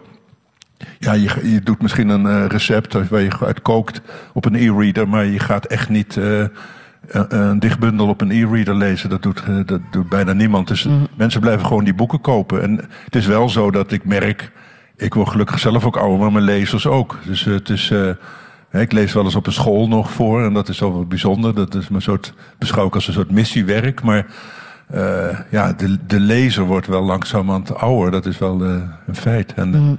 Dus we sterven er rustig uit. Zeg je nu even heel. Um... Ja, er komt altijd wel iets anders voor in de plaats. Ook wel, maar niet iets waar ik van hou, denk ik. Maar dan ben ik er niet meer. Dus dan ben ik ook niet meer om te protesteren. Dus. Ja. Maar ligt het ook een beetje aan die foute perceptie? Uh, dat mensen denken, mensen in de culturele wereld, ach, die verdienen sowieso genoeg. Ja, maar het gaat me nog ineens om verdienen. Als ik niks zou verdienen, zou ik ook die boeken schrijven. Dan zou ik inderdaad op een kantoor werken. En dan, nee, of zoals Elschot. Uh, met iets anders geld verdienen. Dus ik, ik schrijf boeken niet om, om, als broodwinning. Dat doe ik als, het, uh, als roeping, om het zo maar even, Mhm. even te zeggen. Omdat ik het wil doen en omdat ik het kan. Maar nee, ik, ik geloof niet dat er veel, ja, voor dat soort literatuur veel toekomst is. Dat, dat is nou eenmaal zo. En dat, heeft te maken. Mensen willen ook. We worden natuurlijk door algoritmen en dergelijke geregeerd. Mensen, als, als ik boeken op zo'n op zo'n website terugzie en ik ben niet genoeg aangeklikt, dan ben ik een hele onbelangrijke schrijver geworden. En als er drie gekken zeggen: het is één ster waard, want ik snap er niks van, uh, is jouw boek heel laag gewaardeerd. En ja, daar kan ik niet tegen op. Daar kan je geen argumenten tegen opbrengen. Daarnaast is er een, tendens dat kunst steeds weer stichtelijk moet worden, net zoals vroeger. Dus kunst moet opbeurend zijn. Dus ik. Ik hoorde vroeger nooit wat over, maar nu krijg ik klachten van bepaalde lezers dat mijn personages uh, te, te, te lamlendig zijn of op bed blijven liggen of negatieve gedachten hebben. Of soms misschien iets discriminerends zeggen of anderszins uh, niet uh, positieve burgers uitbeelden. En dat is ook een uh, ontwikkeling, dat de, de, de kunst wordt uh, toenemende mate gezien als iets wat de mensheid vooruit moet helpen. En uh, dan, dan krijg je dus politiek en cultureel correcte kunst. En dan krijg je, om de cirkel rond te maken, dat de NVA of andere rechtse politici zeggen. Ja, we gaan niet die linkse praatjes uh, subsidiëren. Want dat schreef je mij ook in de voorbereiding naar uh, dit gesprek. Er is zoveel lawaai in deze wereld. Het wordt steeds moeilijker om in de stilte van het schrijverschap verstaanbaar te maken. Nou ja, je, je hebt de neiging om mee te gaan doen. He, dit is een heel keurig podium, maar een schrijver moet toenemende mate op een podium gaan staan en, en, en, en mensen toespreken. Terwijl een, een schrijver spreekt eigenlijk één iemand toe, die, namelijk een lezer. Dat is altijd, lezen doe je altijd in je eentje. Dus het is een hele intieme bezigheid eigenlijk, die, ja, die je steeds meer in, in een soort openbaarheid moet uitoefenen. En Sommigen kunnen dat ook heel goed. En, en die benijd ik ook wel eens. Ik uh, was dat gisteren met Giet Op de Beek op het podium. Ja, die kan dat ontzettend goed. Of ja, er zijn er wel meer die het goed kunnen. Tom Lanois is natuurlijk een meester erin. Dus, uh, die zou zelfs een acteerprijs moeten krijgen, vind ik. Plaats van altijd maar die literaire prijs alleen maar. Dus dat, die kan dat echt heel erg goed. En, uh, maar het is natuurlijk het slaat eigenlijk nergens op. Net zoals een componist hoeft ook niet heel goed de viool te kunnen spelen. Dus waarom zou je als schrijver heel goed je eigen werk kunnen uitdragen? En welk lawaai in deze wereld irriteert jou het meest op dit moment? Aan mij irriteert dat de, de dissidente stem zo, zo uh, niet meer gehoord kan worden. Dat er altijd een, een heersend discours is en waar je aan mee moet doen. Dus dat gebeurt in het nieuws, maar dat gebeurt ook op social media. Waar de meeste mensen, uh, de brand waar de meeste mensen achter, achteraan rennen, is de, de belangrijkste brand ter wereld. En ja, al die andere brandjes die doen er niet meer toe. Dus dat, het, het, het vaagt het andere weg. En dat heeft te maken met de, strijd om de aandacht. Er is zoveel wat de aandacht vraagt in deze wereld. Uh, we hebben continu, ik dan niet, maar bijna iedereen heeft zo'n smartphone waar die continu uh, uh, tot de orde wordt geroepen. Even niet gekeken, is weer iets heel belangrijks gemist. En ja, dat verhoudt zich totaal niet met de afzijdigheid van het boeken lezen. Ja, de slachtofferitisch noem jij het. Ja, dat is, dat je hebt nu de ontwikkeling, dat heet dan in uh, Amerika overgewaaid, hè, de cultural uh, identity politics, politics, identity politics. Waar, dus dat, zullen we zeggen, de, de diversiteitspolitiek heet het hier ook wel. En de, hoe noem je het allemaal? Het allemaal, hebben allemaal namen heeft dat. Eh, cultural, appropriation. Dus je mag niet zomaar, als ik als blanke man van, uh, van 61, mag niet over een zwarte jongen van uh, 24 schrijven. Ik zou zelfs strikt genomen niet over een vrouw mogen schrijven. Want dan eigen ik me iets toe wat ik uit ervaring niet ken. Dus wat ik oneigenlijk gebruik en waar ik dus met mijn vooroordelen een clichébeeld van geef en daarmee de betreffende groep uh, te kakken zet. En dat is, uh, dat denk je natuurlijk lachwekkend. De kunnen schrijvers alleen nog maar over zichzelf uh, schrijven. Dat is een absurde aanname, maar die wordt serieus uitgedragen. En ik heb het heel vaak, heb ik er ook last, last mee gekregen. Er wordt een roman geschreven, De Onderwaterzwemmer, die in België trouwens nog bekroond is met de Vintro Publieksprijs. Dus er zullen een paar mensen zijn in het publiek die het misschien kennen. Maar dit, dat boek daar gaat over een, een, een, inderdaad een bange blanke man die in Afrika belandt. Aan de zijde van zijn dappere vrouw. En uh, tot zover geheel autobiografisch zal ik maar zeggen. Want dat herken ik me wel in. Maar ik ben ook niet zo'n reiziger. Maar ik ben, eh, behalve dat ik nooit in Afrika ben geweest, maar mijn hoofdpersoon wel. En die ziet daar allemaal zwarte mensen. Die hij ook soms neger noemt. Omdat het beschrijven in 1974. Toen zwarte mensen bij mij weten gewoon nog negers genoemd werden. Maar het woord dat ik nu gebruik, nu kan ik al op, als je op Twitter kijkt, beginnen ze al. Want dat, dat, woord is, een, dat is net ja, dat is een scheldwoord geworden. En dan denk ik, ja, waarom? Het is toch een woord wat past in, in ons vocabulaire. Taal heeft toch geschiedenis. En, en er mogen toch ook lelijke dingen ge, gezegd worden. Uh, en, en mijn hoofd, het, heel, was heel belangrijk voor mijn hoofdpersoon, omdat hij bang is voor al die zwarte mensen, omdat hij zich niet meer thuis voelt. En dat is natuurlijk racisme. Toen weet ik ook nog dat ik ergens een lezing gaf en een zwarte mevrouw opstond. Ja, meneer, maar. En dan vind ik dat u uh, een, racistisch uh, beeld schetst. Ik zei dat klopt, maar mijn hoofdpersoon is racistisch. Maar mag ik geen racistische hoofdpersoon uh, meer opvoeren? Hij heeft toch niet de genocide ah. van de Joden veroorzaakt of weet ik wat. Dus hij is gewoon maar een onschuldige racist, zoals zoveel mensen. En ja, dat is. De, de, ik weet niet of ik in een volgend boek. doe ik dat niet meer waardevrij. Dan weet ik, als ik zo'n woord gebruik. dat ik uh, problemen krijg. Dan ben jij die schrijver die durft uh, te schrijven. Die dingen durft te ja, noemen. maar dan kom je in hetzelfde vaarwater van. je mag er geen grap meer over. Uh, Arabische profeten maken. Omdat je dan ook ineens. hè, daar weet ik wat. Mm -hmm. Dus dat, dat, dat is bijna. ja, het is terug naar een hele primitieve culturele tijd. Als, je, als we dat door gaan zetten, is het voorbij. Dan kunnen we Shakespeare op de brandstapel gooien. Heb jij als schrijver een soort definitie wat voor schrijver jij wil zijn in deze wereld, in deze maatschappij?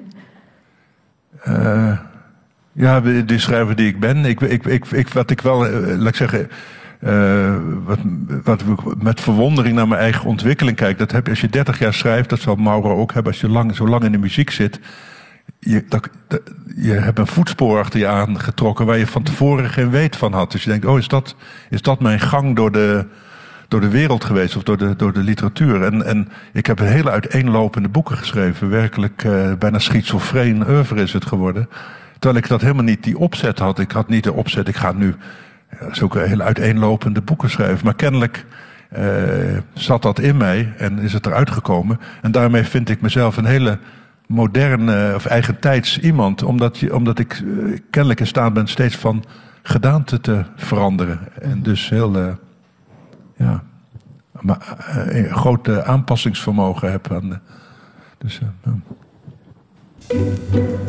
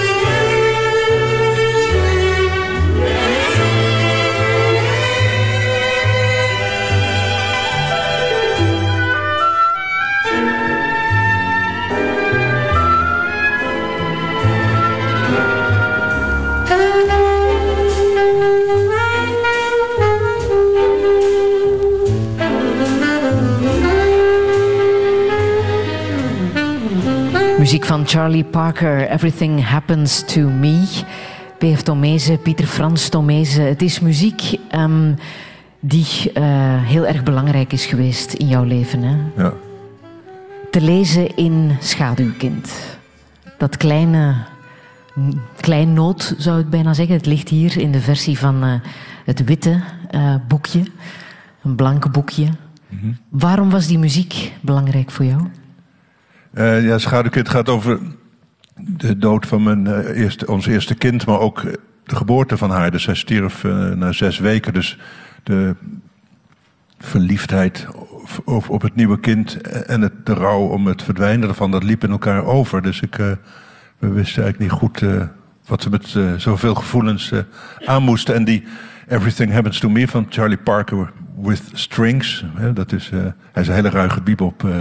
Saxofonist, hij heeft hier een hele smooth uh, plaat mee gemaakt. En ik, ik draaide die heel vaak, omdat ik, het, ik noem het in het boek de soundtrack van mijn geluk. Weet je wel, dit is een soort gelukkige wereld, zo'n onbezorgde uh, tijd. En, en, dat, ja, dat, omdat die zo kort duurde, is die als het ware in een soort tijdscapsule bestaan gebleven, blijven bestaan. Want ik heb nog, daarna heb ik nog twee zoons gekregen.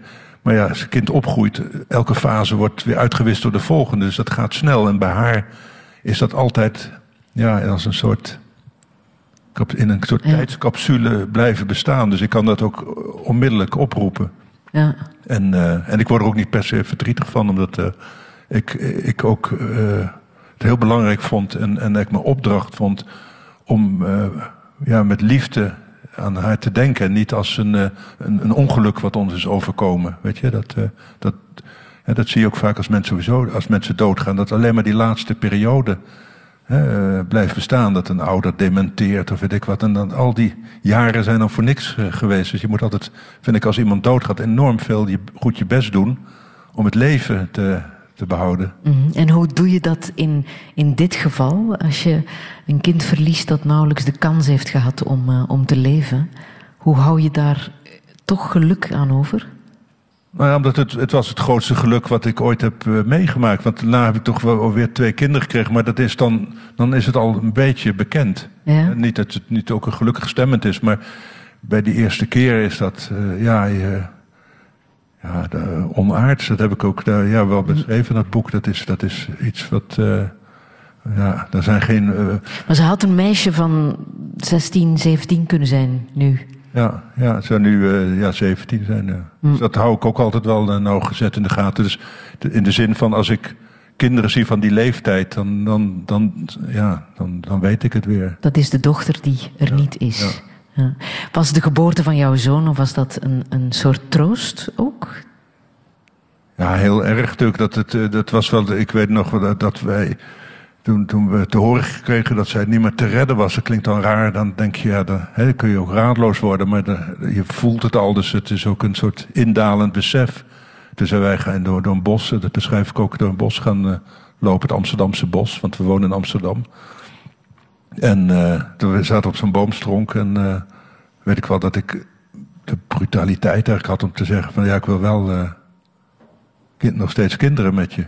Mhm. En dat, terwijl dat, ons kind lag te sterven. Dus, maar dat was wel een heel sterk gevoel. Ik dacht, dan moet ik nu.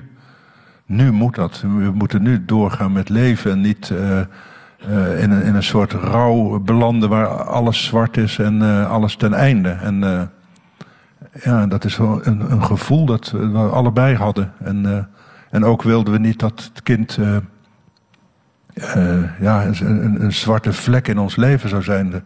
Dat zo'n zo'n babytje dat, dat de rest van jouw leven verpest of zo. Mhm. Dat, dat, zo wouden we niet aan, aan, aan haar denken. Dus dat is, en dat is goed gelukt, moet ik zeggen. Mm.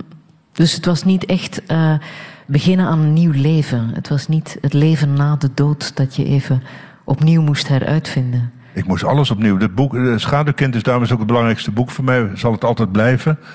Omdat ik alles moest, opnieuw moest uitvinden. Ook uh, niet alleen het, het, leven en het ouderschap en de liefde voor mijn vrouw. Maar ook en de liefde voor mijn komende kinderen. Maar, uh, maar ook hoe ik met mijn ouders was omgegaan. Dus dat de, de, de kern van de uh, vaderliefde zit al daarin. Daar komt mijn vader komt daar al best veel in voor. In uh, Schaduwkind. Dus dat, dat moest ik uitvinden. Maar ik moest ook het schrijven uitvinden. Ik dacht, waar, waar doe ik het voor? En, en door dit boek te schrijven wist ik hoe, hoe, ja, hoe belangrijk schrijven eigenlijk was. En, en dat heb ik eigenlijk nooit meer ja, met vaderliefde nog een, een in een iets mildere vorm uh, ervaren dat, dat je sterker bent dan de dood. Dat is een heel raar, uh, ja, klinkt een beetje opschepperig, maar uh, kunst is sterker dan de dood. En dat is, dat is bijna niks. En, en, kunst is, en kunst die sterker is dan de dood, is altijd liefde. Hè? Uiteindelijk is het liefde. Goede kunst is altijd liefde voor de taal, liefde voor het leven, liefde voor, hè, voor, de, voor de onderwerp wat je beschrijft. En dat, ja, dat was voor mij een reusachtige ontdekking. En, uh, en nog steeds kan ik, sta ik er versteld van. Dus ik denk ook aan die periode, dus ook niet met verdriet per se terug, maar met iets met open mond. Van, van verbijstering eigenlijk dat dat gebeurd is. En dat heeft mijn vrouw ook. Dat is gewoon een, een totaal uh, essentiële periode in ons leven geworden. Niet per se iets uh, negatiefs. Mhm. Dat, ja, dat, dat, dat heb ik wel geleerd, ook met anderen die doodgaan. Dat je, als iemand doodgaat, moet je toch aan hem, aan hem blijven denken en niet hem betreuren. In vaderliefde viel het mij ook op, als je de stambomen bekijkt, hoeveel kinderen daar gestorven zijn. In jouw familie, in de familie langs uh, moederskant. Uh, er zijn verschillende kinderen gestorven. Ja, in die, in die oude generaties gingen altijd bij iedereen kinderen dood. Volgens mij bestond er nauwelijks gezinnen waar dat niet uh, eh, gebeurde. Maar had jij er extra aandacht voor? Dat vermoed ja, ik wel. zeker, zeker. Ik heb wel een jongetje, dat heet dan Pieter Samuel. Dat heb ik wel helemaal uitge, opgezocht. Maar ja, je vindt niks natuurlijk. En ik ben nog een dochtertje tegengekomen van mijn, de ouders van mijn vader.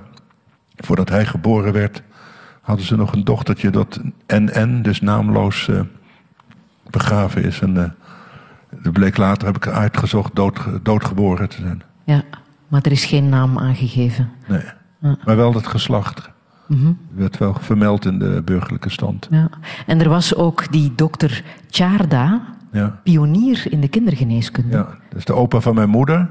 En dat was een heel bijzondere man. Hij was inderdaad een van de pioniers van de kindergeneeskunde. En hij, uh, hij, heeft, hij heeft ook een, een, een, twee, een tweeling verloren. En zijn eerste vrouw. Dus dat was in die tijd, verloor je vrouw. Toen ging hij met de, de zus trouwen. Ja, ja, ja. Dus dan, hè, ja, dat, ja. Maar een tweeling begraven.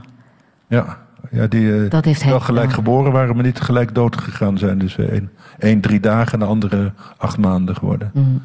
Ja, dat, uh, ja, maar er werd nooit wat, die, die, nooit wat over gezegd. Die namen ben ik ook inderdaad in de archieven tegengekomen, maar niet als... Zo ging dat toen, hè? Ja. Zwijgen. Dat is makkelijker. Er werd veel verzwegen, ja. ja. Mm -hmm. um, jij bent laat vader geworden, hè? Hoe oud was jij? En toen Isa, dus mijn dochtertje, geboren werd, dat was in 2002, was ik 44. Ja. En, uh, maar ik ben ook heel laat volwassen geworden, dat scheelt. Ik was pas 40 toen ik volwassen werd. Dus, uh. Wat voor iemand was je dan voor je veertigste?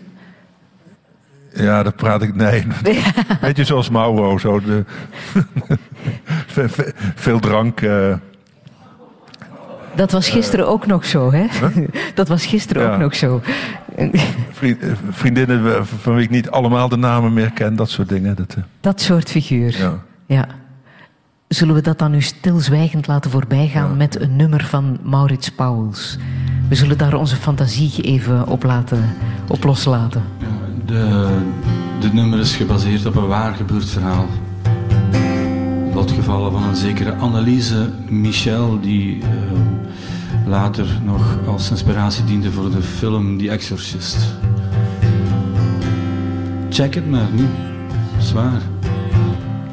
Onfortuinlijk meisje, Anneliese Michel.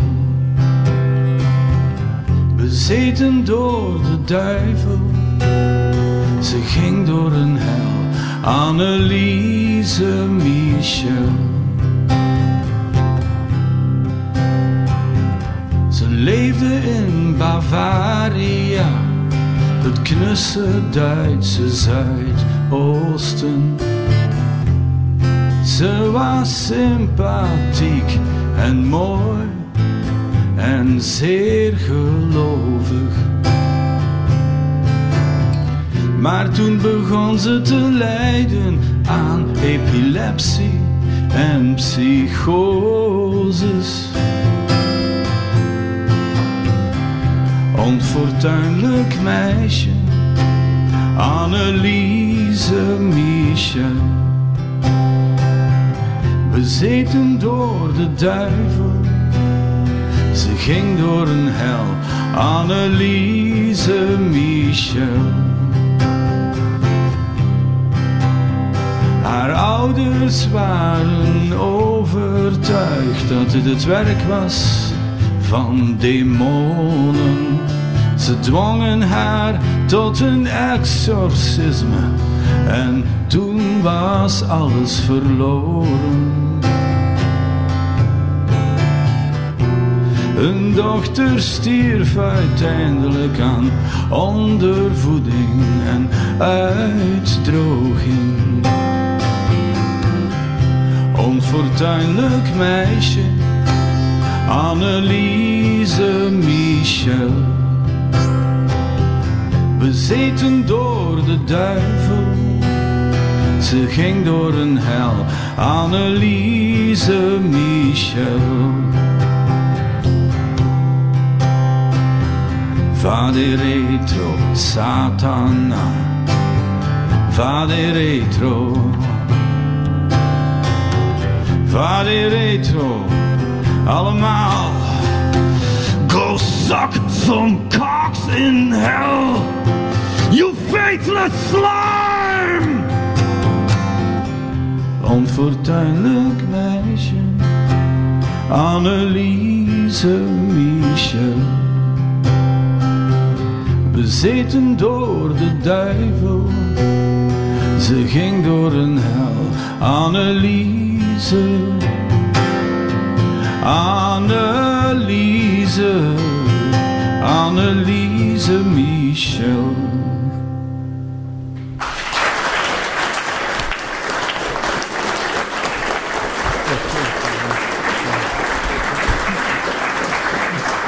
Het onfortuinlijke meisje Anneliese Michel, hier bezongen door Maurits Pauwels. Hij kan het wel, hè, P.F. Tomezen? Werd dat zonder piepjes uitgezonden? Dan kijk ik even naar onze eh, technische ploeg. het ging heel erg goed. Eh, ehm, de liefde, laten we het daar eens over hebben. Frans, wat, wat is dat precies volgens jou, de liefde? Ja, ik, ik gebruik het woord eh, in mijn titel van vaderliefde. Ja, liefde is toch het, eh, de afhankelijkheid die iemand voor iemand anders heeft, denk ik. Ik denk dat liefde altijd een, een afhankelijkheidsverlangen ook is en een afhankelijkheidsrelatie. Als ik kijk naar mijn eigen kinderen, die zijn afhankelijk van mij. Maar ik ook weer voor mijn levensgeluk van hun. En zo wil ik het ook. Als het vrij zou zijn, zou het niet kloppen. Hetzelfde geldt voor de liefde tussen mij en mijn vrouw. Dan zou ik toch ook niet blij zijn dat, die, eh, dat we niet afhankelijk van elkaar waren, maar vrij zijn om elkaar te verlaten. Dus, dat, dus de afhankelijkheid is wel, een- speelt wel een grote rol. En toen ik jonger was, dacht ik dat vrijheid eh, de essentie van liefde was. Dat jij de vrijheid had om de vrouw van je dromen te kiezen. eh, maar ook om die te verlaten als er weer nog een mooiere vrouw van nog mooiere dromen za- zag staan aan het eind van de straat. En da- daar geloof ik niet meer in. Wat is er dan veranderd? Wat heb je geleerd doorheen de jaren over de liefde? Daar is, omdat er, dat er overgave voor nodig is. Je moet je overleveren aan een ander. En dat is een van de moeilijkste dingen om te, te doen. En dat doe je maar, denk ik, met een paar mensen in je omgeving. Het- Is, is er veel veranderd in de manier van je liefde te beleven samen met je vrouw? Na al die jaren? Nou ja, is, eh, eh, het is natuurlijk veel meer dan alleen de, de erotische of zinnelijke liefde. En dat is natuurlijk als je jong bent, eh, is, staat de liefde gelijk aan erotiek. En ik denk dat li- liefde veel, ja, eh, veel meer te maken heeft. Hè? Dus die erotiek die kun je van spreken met een heleboel mensen eh, enigszins bevredigend eh, uitvoeren. Maar liefde, dat, is ja, veel zeldzamer. En dat heeft te maken met ja, voor, voor, er voor elkaar zijn en elkaar eh, je, je leven ook opofferen voor een ander. En dat, dat hoort er wel bij. En er zijn maar weinig mensen voor wie ik mijn leven zou offeren. Maar mijn vrouw is er één van en mijn kinderen ook. Er zijn er weer drie al. Wat kunnen jullie goed samen? Eh, behalve koken en, en kaart lezen, autorijden, eigenlijk alles. Dat is veel. ja, zelfs nu heb je geen kaarten meer, maar die Google Earth, dan hebben we toch nog altijd eh, verschil van meningen over. Maar goed, is het. Zij luistert altijd naar Google Earth en ik zeg, je moet niet alles geloven wat ze op je Wat Google Earth zegt. Ja. Ja. Delen jullie de liefde voor kunst? Zeker. Mijn vrouw eh, is, eh, ja, die werkt voor, de Nederlandse omroep voor een, eh, het enige klassieke muziekprogramma wat er bestaat, Podium Witteman, waar volgens mij ook heel veel Vlaamse kijkers naar kijken. Ja, dat is een, voor haar droombaan. Zij is eh, daar samensteller van. Zij mag al die eh, mensen uitnodigen. En, eh, en dat programma krijgt steeds meer faam. Dus zij, alle, de, grootste zangers en, die komen daar naartoe. De Andreas Scholl, de countertenor, komt binnenkort. En eh, Christophe Zimmerman, die pianist, die komt daar eh, Matthias Görne begeleiden. Een hele grote eh, bariton. Dus ze, ze- de, wereldtop komt naar hun toe. Dus ja, dat is, ze knijpt af en toe in de arm. Ze hebben René Ja. Fleming daar gehad. En uh, Kiri Tekanawa en zo. Ja, dat is... En is het bij jullie thuis ook voelbaar dat dat een huis is, huis is waar veel kunsten passeren? Ja, ik, ben zelf dan ook weer een enorme liefhebber van, eh, van, van, van beeld, eh, beeld- beeldende kunst. Dus het hangt helemaal vol met eh, tekeningen, schilderijen en noem maar op. En, dus het, van, en, en boeken natuurlijk. En ja, we hebben moet zeggen, bergen, cd's en lp's. En, ja, dus dat is wel een, het is een uitdragerij bij ons eigenlijk. Ja. Waarin geloof jij?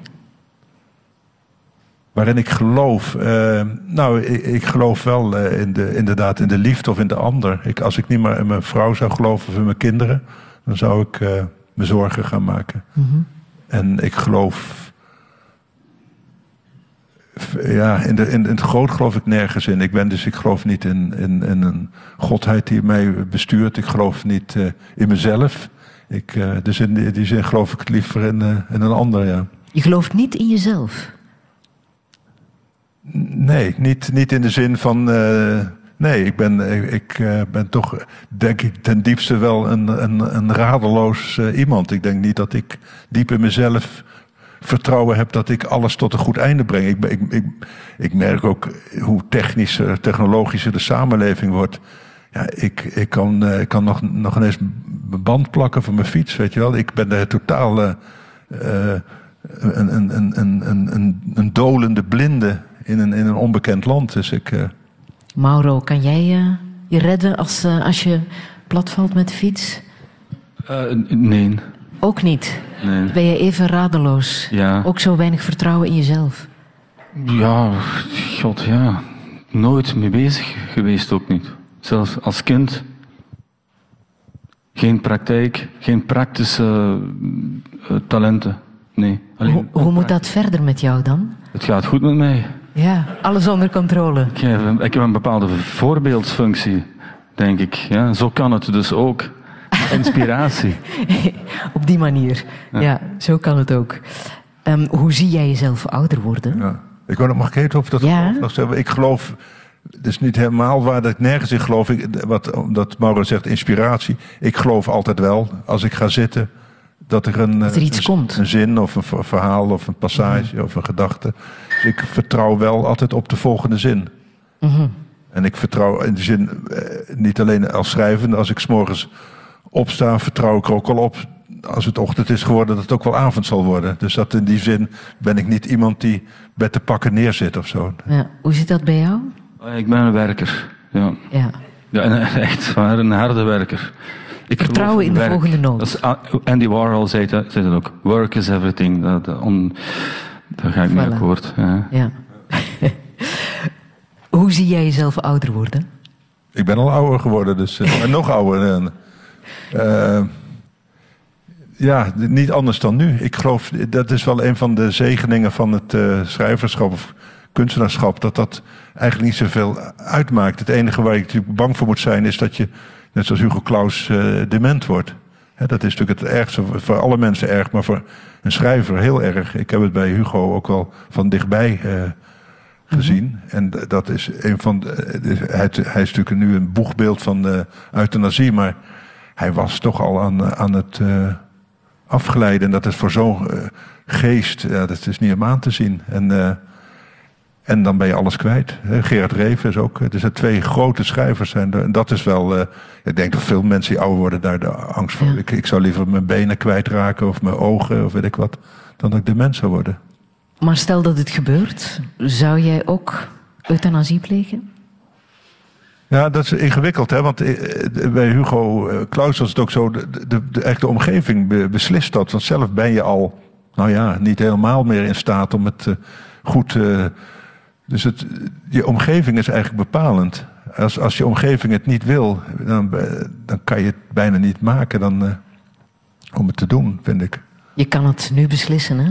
Als jij het wil. Ja, dat zijn uh, theoretisch, juridisch klopt daar niks van. Want je, je- stel nou dat ik nu, eh, ja, ik ga het nu beslissen. En over tien jaar eh, is het zover. En er wordt altijd een bekende voorbeeld genoemd. Ja, en je bent gescheiden van je vrouw. Je hebt je vrouw opdracht gegeven om dat uit te voeren. Maar in die tien jaar eh, is, die, is je vrouw jou eruit geschopt. Heeft een hele leuke jonge vriend eh, genomen. En die denkt, die ouwe moet eh move. En dan zit jij daar te dementeren van ik wil niet, ik wil niet. Jawel, je hebt het zelf, eh, je hebt het zelf opgeschreven. Daar zit een boek in, man. Ja. Dat wordt het volgende boek. Ja, ja. Maar jouw moeder is heel erg oud geworden, hè? Zou je die leeftijd willen halen? 91 voorbij. Zij werd al mooi oud in de zin van, eh, jawel, de- alles wordt ietsje langzaam minder, maar zij was geestelijk nog helemaal eh, in orde. Dus ja, waarom niet? Ik, ik, dat is het nadeel, zoals ik laat eh, vader ben geworden. Ik heb nu wel, vroeger dacht ik als ik, wat zingen de, de hoe, als je veertig bent, moet je er wel uitgestapt zijn, want dan is het leven uitzichtloos. En, maar nu denk ik, nu ik twee kinderen heb van 14 en 16, ja, die wil ik wel zien opgroeien. En als ze dan toch opgegroeid zijn, dan wil je ze ook wel weer kinderen zien krijgen. Dus je rekt je, je grenzen wel op. Dus het, eh, mijn eigen grenzen zijn misschien eerder bereikt, maar ja, die wilt ook die kinderen ook niet missen. Hè? Dus dat, dat, eh, dat is een van die gekke dingen die je niet kunt voorzien als je aan het leven begint. Dus eh, ik, voorlopig weet ik nog van geen ophouden. Dus. Jij ook niet, denk ik. Hè? Voorlopig weet jij ook nog niet van eh, ophouden. Nee. Zullen we nog een laatste nummer spelen? Ja. Ja. Dat is. eh, Oei, ja, en daar gaat het mis. Ik ben nu voor de luisteraars thuis een eh pantomime-act aan het opvoeren. Moet ik dat hier... eh, eh, Oké, ga... Er gebeuren rare dingen. Er is een naakte man, komt hier op het podium. Die swaffelt mijn wang. Maar ik blijf professioneel. Oké, dankjewel. Uh, Oké.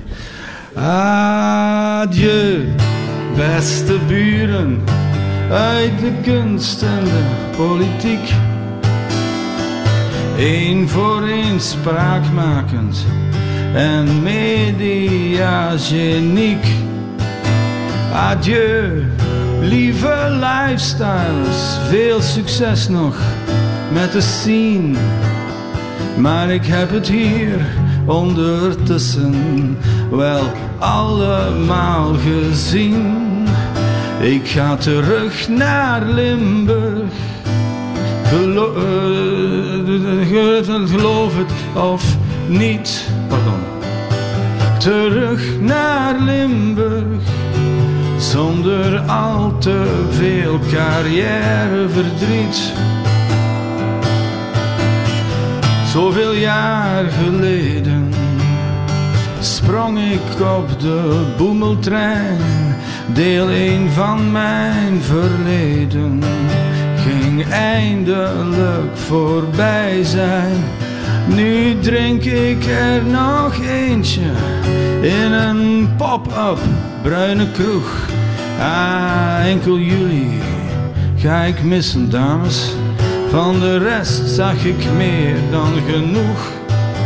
Ik ga terug naar Limburg. Er is niks aan te doen. Terug naar Limburg. Richting toekomst van toen. Alles heeft een einde. Behalve de worst. Die heeft er twee. Dat is een Duitse slager. eh alles staat aan ende. Nur die Wurst staat zwaai. Dat, ik, dat ga ik pikken en eh misscoren. Dat is showbiz, dames. Ja, ik, ik vertrek niet om mezelf te vinden. Niet richting kosmos, of zee. Nee, nee, nee, nee. Ik ga terug naar Limburg. Zo is dat en kus mijn reet terug naar Limburg. Want het bestaat en wel op deze planeet. Limburg. Ja, Limburg. Aha.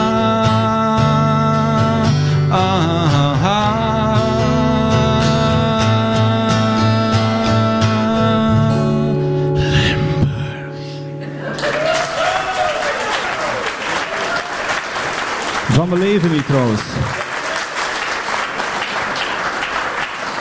Maurits Pauwels die gaat terug naar Limburg. En eh, Pieter Frans Tomezen, jij gaat straks terug naar Haarlem, vermoed ik. Ergens tussen Amsterdam en, eh, en de kust. Ja. Ja, wat voor plek is dat?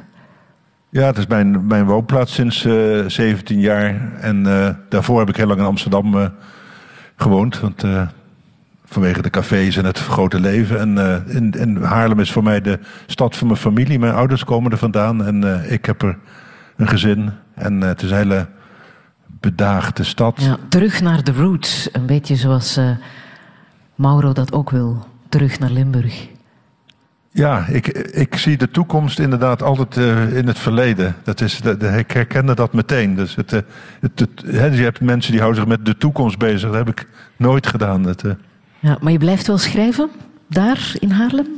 Ja, nog wel, ja ik, ik heb daar mijn, mijn meeste werk geschreven. Dus mm -hmm. het is... Ja, het is het, het, het, het, het, het rustige leven, zou ik maar zeggen, in de zin van de, de retraite van ja, van het society bestaan. Ik vind het heerlijk. Ik, uh... ja. Je hebt een heel mooi levensmotto. Pas als het onmogelijk is, wordt het interessant.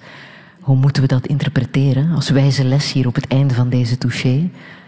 Nou ja, het, voor mij het heel persoonlijk is het, omdat ik, ik zelf niet, niet zo eh, sterk geloof in mezelf had en anderen dat ook niet hadden, dacht ik, ja, dan moet ik uh, het onmogelijke presteren. Dat is bij mij al gauw iets onmogelijk. En, en ik ik heb gemerkt dat de belangrijkste dingen die ik tot stand heb gebracht, dat ik die volkomen intuïtief en zonder enige planning of uh, hoe noem je dat, opleiding heb verricht. Dus het.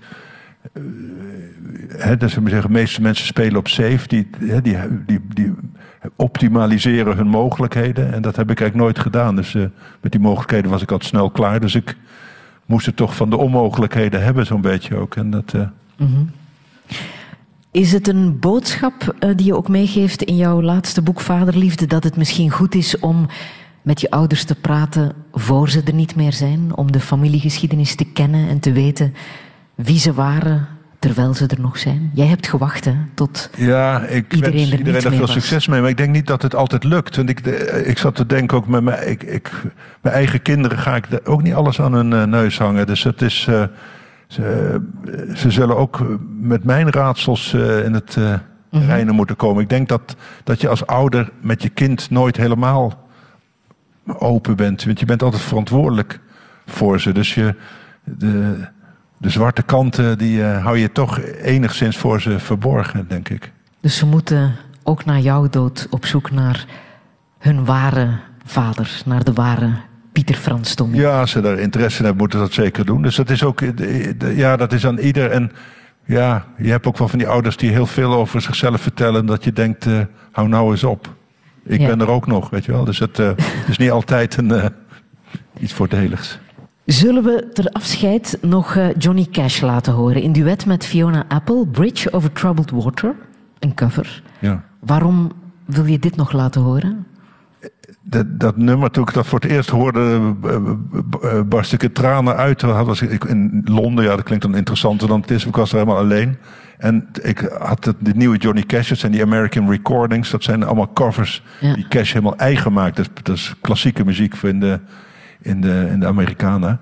En, eh, dus hij, en dit nummer, dat kent iedereen van Simon Garfunkel. Is het een wat eiig eh, nummer met, eh, met die hoge falset van Art.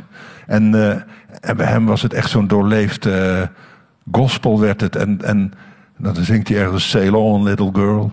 En dat ja, moest ik natuurlijk meteen aan mijn eigen dochtertje denken. Dus ik vond, het was, voor mij was dat meteen het... ja, ik, het, het raakte me echt tussen mijn ogen. Dat, Ja, en zullen we hier nog een beetje mee hummen Ja. op eh, de boekenbeurs?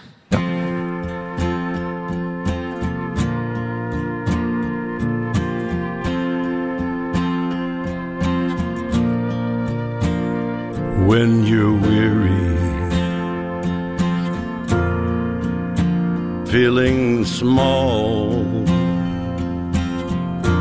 when tears are in your eyes, I will dry them all.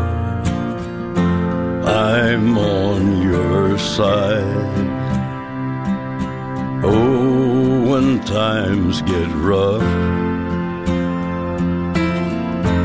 and friends just can't be found like a bridge over troubled water. I will lay me down like a bridge over troubled water, I will lay me down.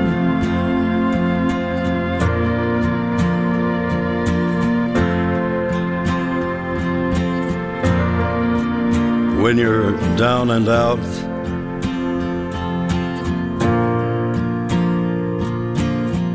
when you're on the street, when evening falls so hard, I will comfort you. I'll take your part. When darkness comes. And pain is all around, like a bridge over troubled water, I will